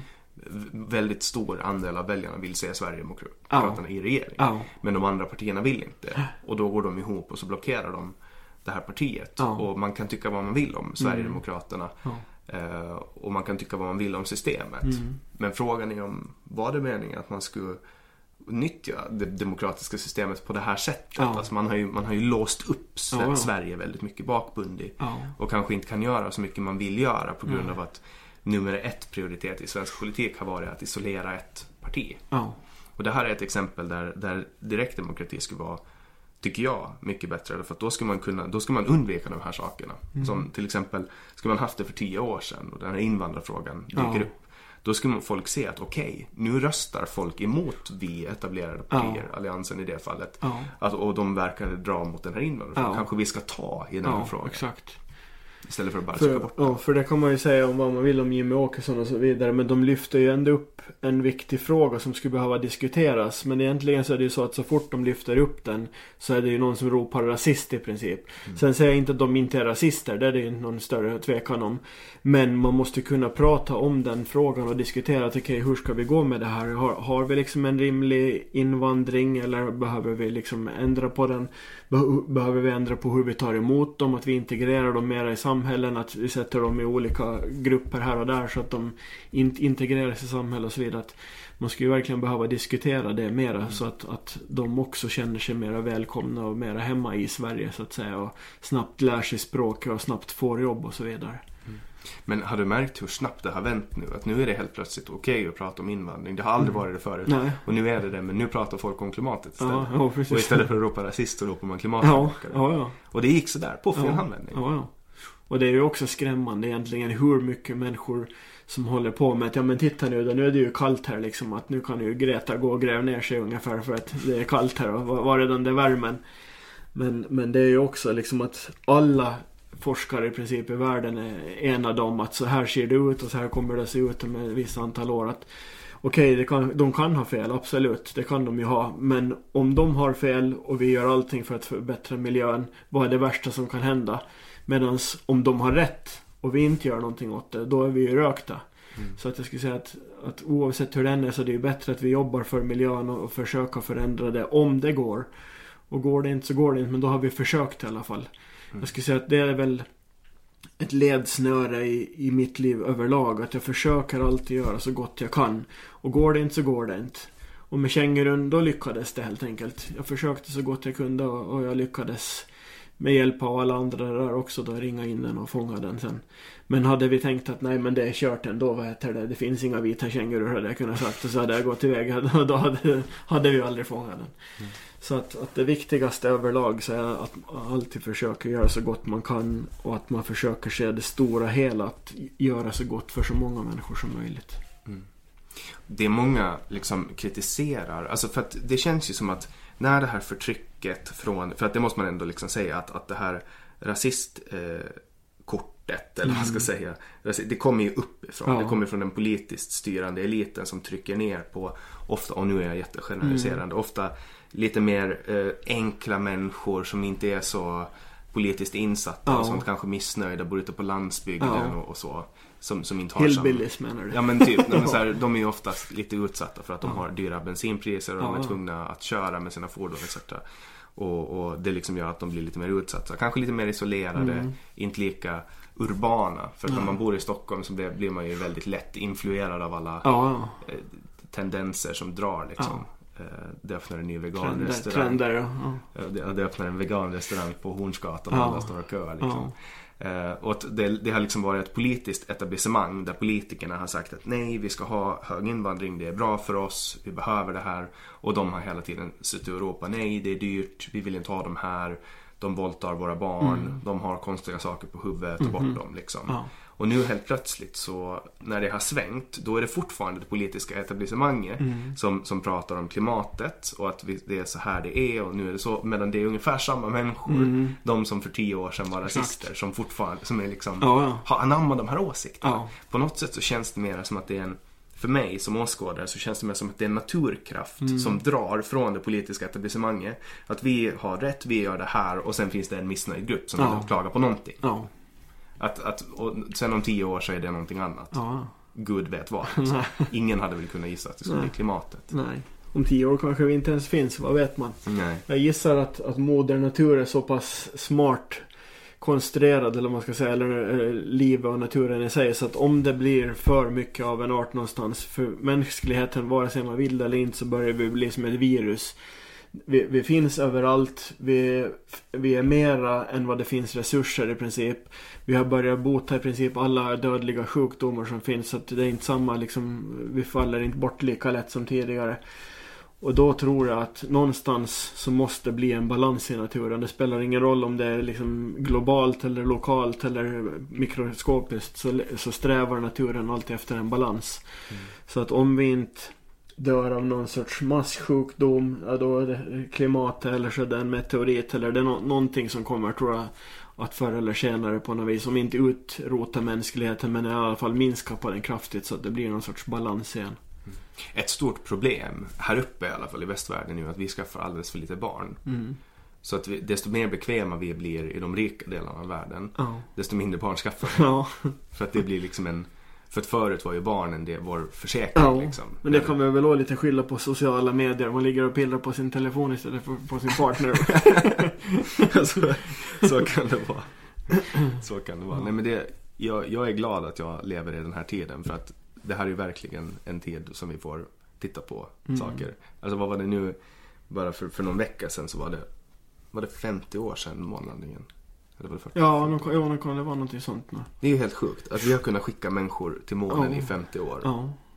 Och det jag tänker på då är, hur fan visste man hur, det, alltså, hur visste man allting? Man kunde räkna ut och hur visste man att man skulle kunna bygga en rym, rymddräkt? Ja, det är där vi kommer in på det här med fysik och kemi och den biten. Det är matematik. De är ju genier de som har, har gjort de grejerna. Men samtidigt så är det så att de kanske inte visste snarare utan de hade också ett mål. De ville komma till månen. Och sen hade de jättesmarta människor som räknade ut att okej, okay, men hur bör vi göra för att komma? Det är samma sak som Charles Lindbergh till exempel som, som flög med sitt flygplan. Det hade ju inte någon hade gjort tidigare heller. Alla människor som strävar efter någonting som inte någon annan har gjort så tar ju alltid risker. Man vet inte egentligen förrän man har prövat. Och det är väl lite det som driver mig också att, att eh, pröva på nya tekniker och ny utrustning och så vidare. Att man vet inte förrän man har prövat. Det är det som gör det spännande. Jag gillar att utforska, jag gillar att upptäcka saker som inte någon annan kanske har sett förut. Och den biten är ju jätteviktig just som entreprenörer här på Åland. Att, att, eh, som till exempel Dennis Jansson, han är ju en grym snubbe vad gäller att, att hitta på nya evenemang och att bygga nya liksom, restauranger och så vidare. Som lockar hit folk till Åland. Och vi behöver uppmuntra mera sådana, ska jag säga, entreprenörer för att få igång Åland. Och mer aktiviteter överlag. För jag tror att vi har en otroligt vacker natur här. Men turistsäsongen är ju jätte, jätte kort så vi skulle behöva jobba på att sprida ut evenemangen men också att ha mer aktiviteter och, och, kanske på vintern även boende. För kommer det en turist hit på hösten och bor någonstans då är ju varenda liten butik stängd i princip och det finns inte någonting att göra här. Så att, att där skulle vi behöva entreprenörer som vågar satsa lite på kanske typ som bygga sådana iglos som de har uppe i Norrland eller något liknande men bygga sådana hyddor ute på öar här istället där du kan ligga och titta liksom på stjärnorna i princip. På en egen ö mitt i vintern eller någonting sånt. Nu vet man ju aldrig om det blir vinter här. Nej, men man kan, man kan ha svävare till exempel. Alltså, folk kan ju ligga i den även fast det inte är snö och så vidare. Hyddan. Men att man kan köra ut dem med svävare eller vad som helst. Och där är vi också jätteduktiga som, som Mörn ute på Silverskär och så vidare. Att det finns jättemånga duktiga entreprenörer här. Och de, de skulle jag säga att vi på Åland behöver samarbeta och jobba i samma riktning som dem. Och hjälpas åt för att få hit folk. Att tidigare har man fokuserat ganska mycket inom turistnäringen att få människor till sin egen, vad ska man säga, till sitt eget företag eller till sin egen plats. Men nu behöver vi jobba mer som en enhet att få människor hit till Åland, att synas här, att sticka ut så att folk vet att vi finns. Och då när de väl kommer hit så måste vi också ha ett utbud så att de stannar här och att de upplever att de har fått någonting för sin tid och sina pengar så att säga. Att de sprider ut det och att de kommer hit igen. Mm. För om någon människa kommer hit och de upplever att det var tråkigt eller att det var jättedyrt och att de inte fick någonting för pengarna. Då kommer de aldrig mer att komma hit igen. Och då har vi liksom tappat dem. Plus att de sprider det negativt i sociala medier snarare än att skri skriva positiva saker. Mm. Det är väl lite samma symptom som Gotland har som mm. Åland. Att man ja. typ så fort det blir höst stängs allting ner. Mm. Liksom.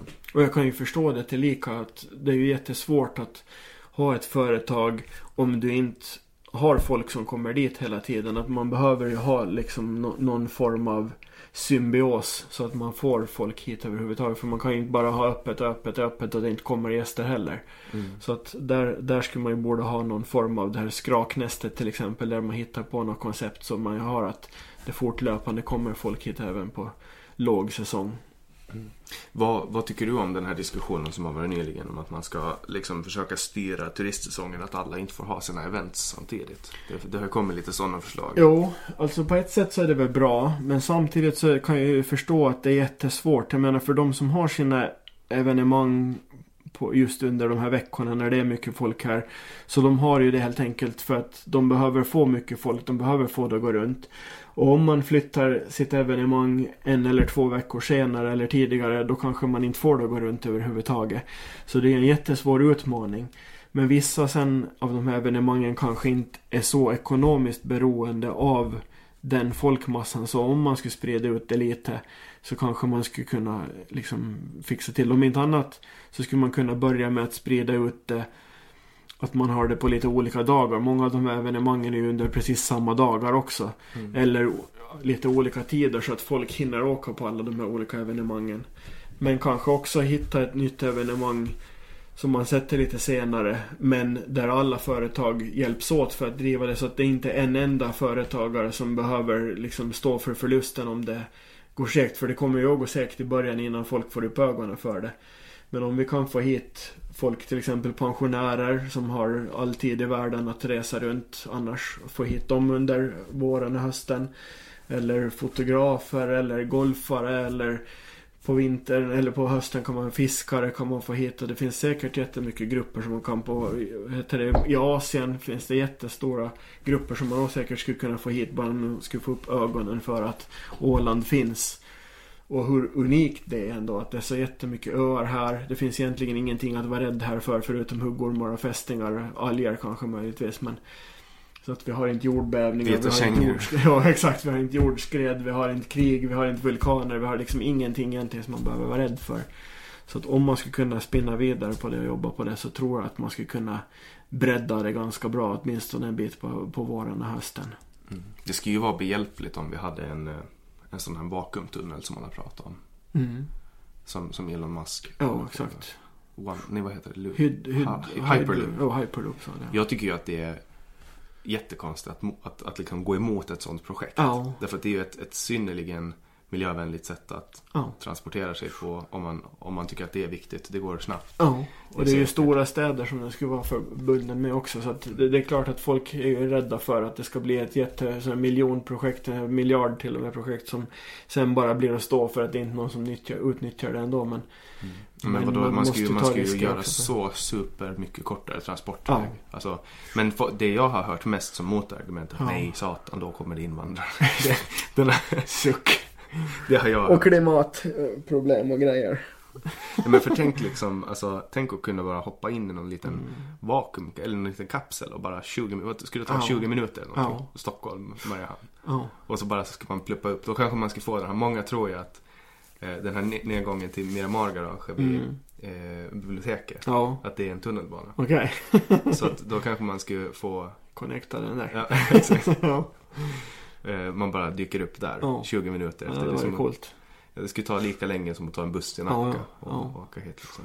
Ja. Men snart kommer det kanske drönarbilar istället. De håller ju på, på forskar med det och eller det, utvecklar sådana som kan flyga just med drönarteknik. De som kan flyga människor så att sakta men också kanske vi har flygande bilar istället också. Mm. Ja, det skulle ju vara. Alltså, jag ser ju otroligt mycket fram emot framtiden. Mm. Det är ju kul att se. Ehm, nu inföljer var det förra året Mm. som Back to the Future-dagen. Ja. Den de reste fram till. Men jag skulle lite vilja påstå att vi nästan lever i det som man förr kallade för framtiden. Alltså idag går ju tekniken så otroligt mycket framåt. Så att till exempel just det här inom drönarvärlden. Så att om jag köper en drönare idag som kostar 2500 euro och har all senaste teknik. Så inom ett halvår, ett år, då kostar den typ 1000 euro eller något liknande. För då har det kommit ytterligare någon ny som är ännu bättre. Som har ännu bättre kameror och ännu bättre, smartare AI-system. Som den kan i princip flyga själv. Den som jag har idag kan du markera en människa eller en bil på skärmen. Den hit- hit- hittar dem själv först och föreslår att vill du markera den här eller den här människan. Och sen följer den efter och håller fokus på den människan fast människan springer iväg vart som helst. Så att de kommer det blir bara smartare och smartare teknik överlag. Och kommer ny hela tiden. Så att vi lever i en väldigt intressant tidsperiod skulle jag säga. Där, där teknik utvecklas väldigt, väldigt snabbt. Det kommer jag ihåg alltså för Alltså bara för tio år sedan så skulle det vara helt sjukt att drömma om att ha en radiostyrd helikopter som kunde filma åt. Mm. Ja, liksom. Det är liksom Bara kameran på en drönare idag är liksom mycket bättre än vad en Ja. filmkamera var för tio år sedan. Ja. Men det som slår mig, jag har ju också en, en drönare, Mm. en, en DJI Mavic Pro. Och när jag tog fram den efter vintern, jag flög ingenting i Mm. vintrar såklart. eh, För att det var tråkigt väder och så. Och när jag tog fram den och uppdaterade, då hade de liksom lagt in massa nya funktioner. ja. Och det är liksom så här, alltså bara på det halvåret som jag var borta från, från drönaren så hade de liksom lagt in massa nytt. Eh, Och det är lite samma med Tesla-bilarna. Exakt, där kommer då hela tiden nya grejer. Ja, de har ju egentligen bara byggt en hårdvaruenhet med liksom klossteknik så att du kan plocka bort och lägga på hårdvaran men mjukvaran är liksom allting. Och tekniken för självkörande bilar finns ju. Ja, Bara det att man inte riktigt får använda dem ännu. nej, För att lagstiftningen är så seg efter. ja, Men jag har faktiskt testat en, en Tesla Mhm. som har kört sig själv. ja, Eh, Man får ju ha den i viss läge, man Ja. lägga handen på ratten var tionde minut eller någonting.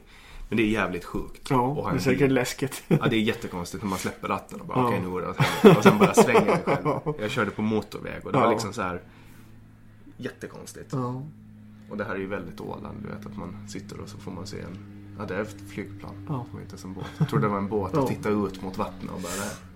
Det var ett flygplan. Ja. Är det någonting annat som, som du känner att du brinner mycket för som vi bör ta upp? Vi har ungefär 10 minuter kvar. mm. Vad brinner jag för annars? Ja, överlag så gillar jag ju som sagt fota och Photoshop har jag hållit på en ganska mycket med också. Redigera bilder och, fixa men Men överlag så är det nog Ålands natur som jag brinner för ska jag säga. Att, att eh, jag tycker jag, jag skulle tipsa alla människor om att ge sig ut i naturen och sätta sig ner bara på en klipphäll någonstans eller gå ut i skogen och sätta sig i en glänta och bara ta in allting runt omkring och se hur vackert vi faktiskt har det här. För som sagt man blir ganska fort hemmablind av det hela. Mm. Uh, det jag märker när jag har varit mycket i Sverige och nere på, på tjejens eh, gård där i, i, i Småland. Mm. Det, jag, det jag reagerar på är att de har ju gråa berg. Mm. Och det är jävligt tråkigt. Mm. Alltså, det får jag nästan lite en sån här... Att jag börjar sukta efter ja. att få den här röda. Vi har ju rosa vägar på ja. Det är ju helt fantastiskt. Ja. Men hur konstigt den kan låta så tror jag att det är lite det som lockar hem alla ålänningar. Både tryggheten men också just de här röda bergen om man har varit ute och utbildat sig eller jobbat någonstans i andra länder. Att förr eller senare så vill man hem hit ändå till Åland för det är som sagt en väldigt unik plats i, i, i världen. Man vet att man är här liksom ja. när man är här. Ja. Och, och sen är det ju otroligt lyxigt också mm. att vara på Åland. För att hur, hur, hur, alltså, hur osocial man än är som människa så har man ett stort nätverk. Ja. Det finns en känsla av gemenskap här som, som jag inte känner när jag är i Stockholm till exempel. Eh, kanske för att det är så stort eller för att människor liksom lever sitt eget liv. Men folk är verkligen, alltså bara, i, bara som exempel med, med Kängurun liksom. Ja. Det var ju hur snabbt som helst så hade ni fått ihop massa ja. frivilliga liksom. Och, och, så fort något djur springer bort så är det hur många som helst som delar det på mm. Facebook och så. Det kan jag väl också säga just det här med att det som jag upplever som är exceptionellt bra med Åland så är just det här livstakten som vi har. Även fast den kanske just nu med sociala medier och allting på något vis så blir vi lite mer hektisk. Men det är ju inte i närheten som om man far till Stockholm till exempel med det tempo som folk går i. Det är köer överallt och det är liksom Jag skulle aldrig klara av att leva i, i Stockholm någon längre tid tror jag heller. Utan jag gillar verkligen det här att man kan ta lugn och ro. Det är nära till allting. Vi har det väldigt bra ställt. Även fast man kan tycka vad man vill om invandring och om kriminalitet och sånt så har vi det ganska som sagt bra och lugnt här ändå. Att det är väldigt få grejer man behöver vara rädd för. Just nu har vi väl vargarna ute i skogen tänkte jag säga. Två vargar som folk, jag kan förstå att man är rädd för dem. Men i det stora hela så är det ju inte någonting som jag tror att man behöver vara så jätterädd för dem heller. Utan det är en del av naturen även fast det kanske inte är Ålands natur. Men om man tittar på hur det ser ut i resten av världen så är det ju väldigt få saker vi behöver vara rädda för här. Så att vi kan leva ganska lugnt bara vi vill det. Mm. Sen kan det sen å andra sidan leda till att folk blir uttråkade och att man försöker hitta fel överallt och att man blir gnällig och så vidare. Som ålänningar har rykte om sig för. Men jag tror att det är ett tecken på att vi har det bra och kanske lite för bra ibland också. Men sen tror jag också att man, man brukar ju prata och det blir jag nästan lite irriterad på. Mm folk som pratar om den åländska avundsjukan. Ja. Jag tror inte att det är den åländska avundsjukan. Jag tror att det är den mänskliga avundsjukan. Ja. För att den finns överallt. Ja, så är det. Det spelar ingen roll om man bor på Tyresö eller om man är eh, någonstans i Brasilien. Ja. Jag tror att folk är avundsjuka liksom. Och, och, att många tillskriver ålänningar attribut, negativa attribut. Eh, också positiva, men som inte kanske finns. Utan att kolla, vi är ganska mycket som alla andra. Ja. Bara det att vi har en speciell historia och ja. vi, vi pratar lite roligt. som Mumintroll. ja men så säger ju alla svenskar. Ja, ja, De bara, du pratar som ett Mumintroll. Nej det gör jag inte. Har du hört ett Mumintroll prata? det, det, det, har man inte gjort om man, om man tror det. Uh, och sen, uh, visste du att keso är köttfärs på Mumintroll? Nej. Man säger ju keso, det är ett grynost säger man ju här. Okej. Okay. Nyheter. ja. Mm. Nu, har vi, nu har vi hållit på i drygt en timme och 35 minuter. Mm. Och vi har, pratat om, vi har pratat om mycket natur, vi har pratat om teknik. Mm. Och det här känns ju som att det är någonting som, som sammanfattar dig som, mm. som människa. Ja, det kan man nog säga. Jag har alltid varit intresserad av både natur och teknik. Så det är ju bra att, att jag kan kombinera det på något vis. Då, som sagt, att komma nära naturen med både mina kameror och med annan teknik.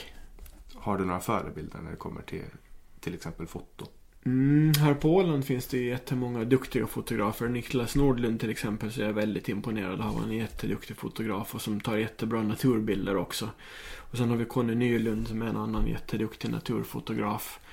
Men överlag så finns det jättebra fotografer här. Therese Andersson är en grym fotograf och sånt. Så det finns ju sådana som man ser upp till på så vis. Sen vet jag inte ute i världen om jag har sådär jättemånga på det viset som jag ser upp till. Men överlag så ser jag väl upp till människor som är duktiga på det de gör och som ändå är ödmjuka. Som gärna lär ut sin kunskap och så vidare och, och som är generösa. Eh, och sånt försöker jag också vara att, att eh, om folk frågar om drönare eller om kameror och sånt så, så ser jag det inte som att oj då nu kommer det en konkurrent till mig här utan då, då berättar jag det jag kan och det jag vet och hoppas på att det kan hjälpa dem att utvecklas och hitta, hitta vägar och lösningar för dem själva. Men överlag så gillar jag som, som person att hitta lösningar på problem och att försöka tänka utanför boxen. Det är väl eh, sammanfattning på mig. Folk brukar kalla mig för Ålands MacGyver typ. Så att jag för, försöker alltid att det, som sagt hjälpa folk och, och hitta lösningar på problem. Det är väl det som driver mig ofta. Mm. Och det har ju varit lösningen på många av mina problem. Jag har hört av mig många gånger. Ja. Jag har behövt, Ja. behövt någon, någon teknisk fråga, random tekniska Ja. frågor och sånt. ja. Och det är första gången du spelar in en podd. Det är det. Och hur, hur kändes den här upplevelsen? Jo, det var intressant. Det är ju alltid spännande när man inte riktigt vet vad man ska prata om och, och hur länge det tar och vad kommer det upp för ämnen och vad ska man svara på och sånt. Men eh, jag har upplevt att det har gått väldigt bra. Det har flutit på med frågorna och det har känts ganska naturligt tycker jag. Så att det har varit en trevlig upplevelse. Även fast man blir lite torr i halsen trots att vi har druckit vatten. Men... Mm.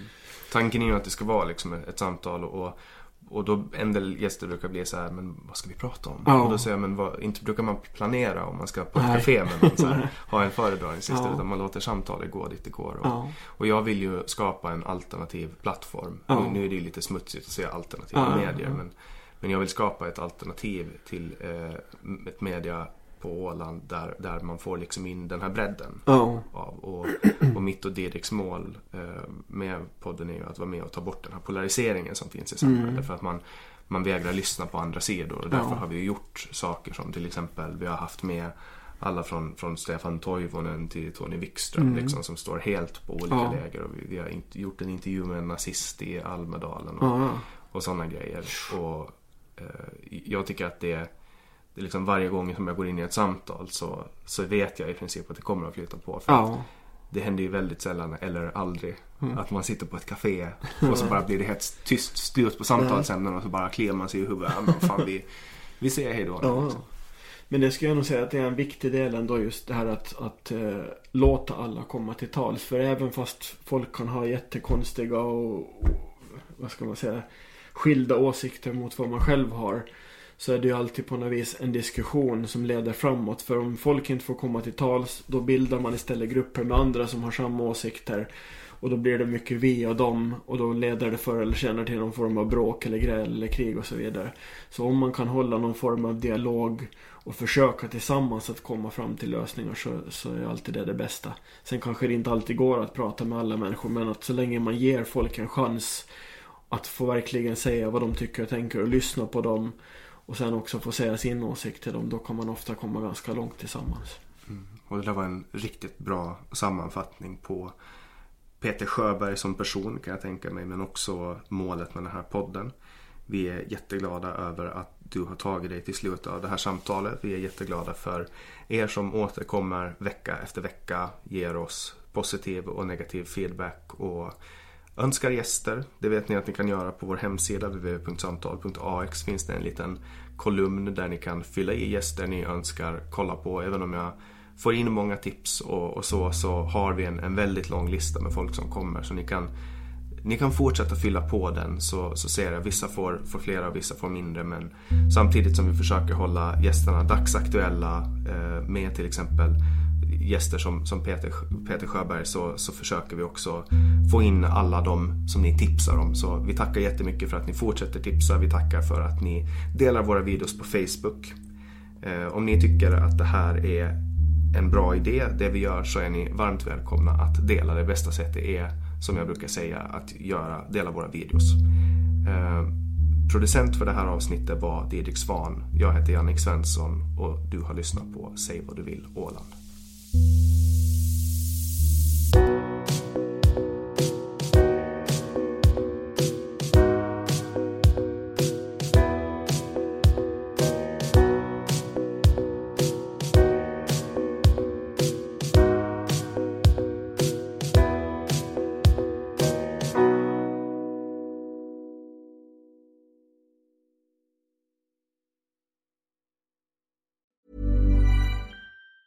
Planning for your next trip? Elevate your travel style with Quince. Quince has all the jet setting essentials you'll want for your next getaway, like European linen, premium luggage options, buttery soft Italian leather bags, and so much more. And is all priced at 50 to 80% less than similar brands. Plus, Quince only works with factories that use safe and ethical manufacturing practices.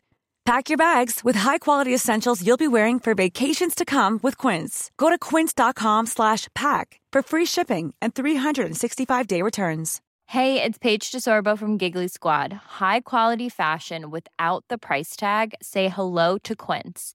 I'm snagging high-end essentials like cozy cashmere sweaters, sleek leather jackets, fine jewelry, and so much more. With Quince being 50 to 80% less than similar brands.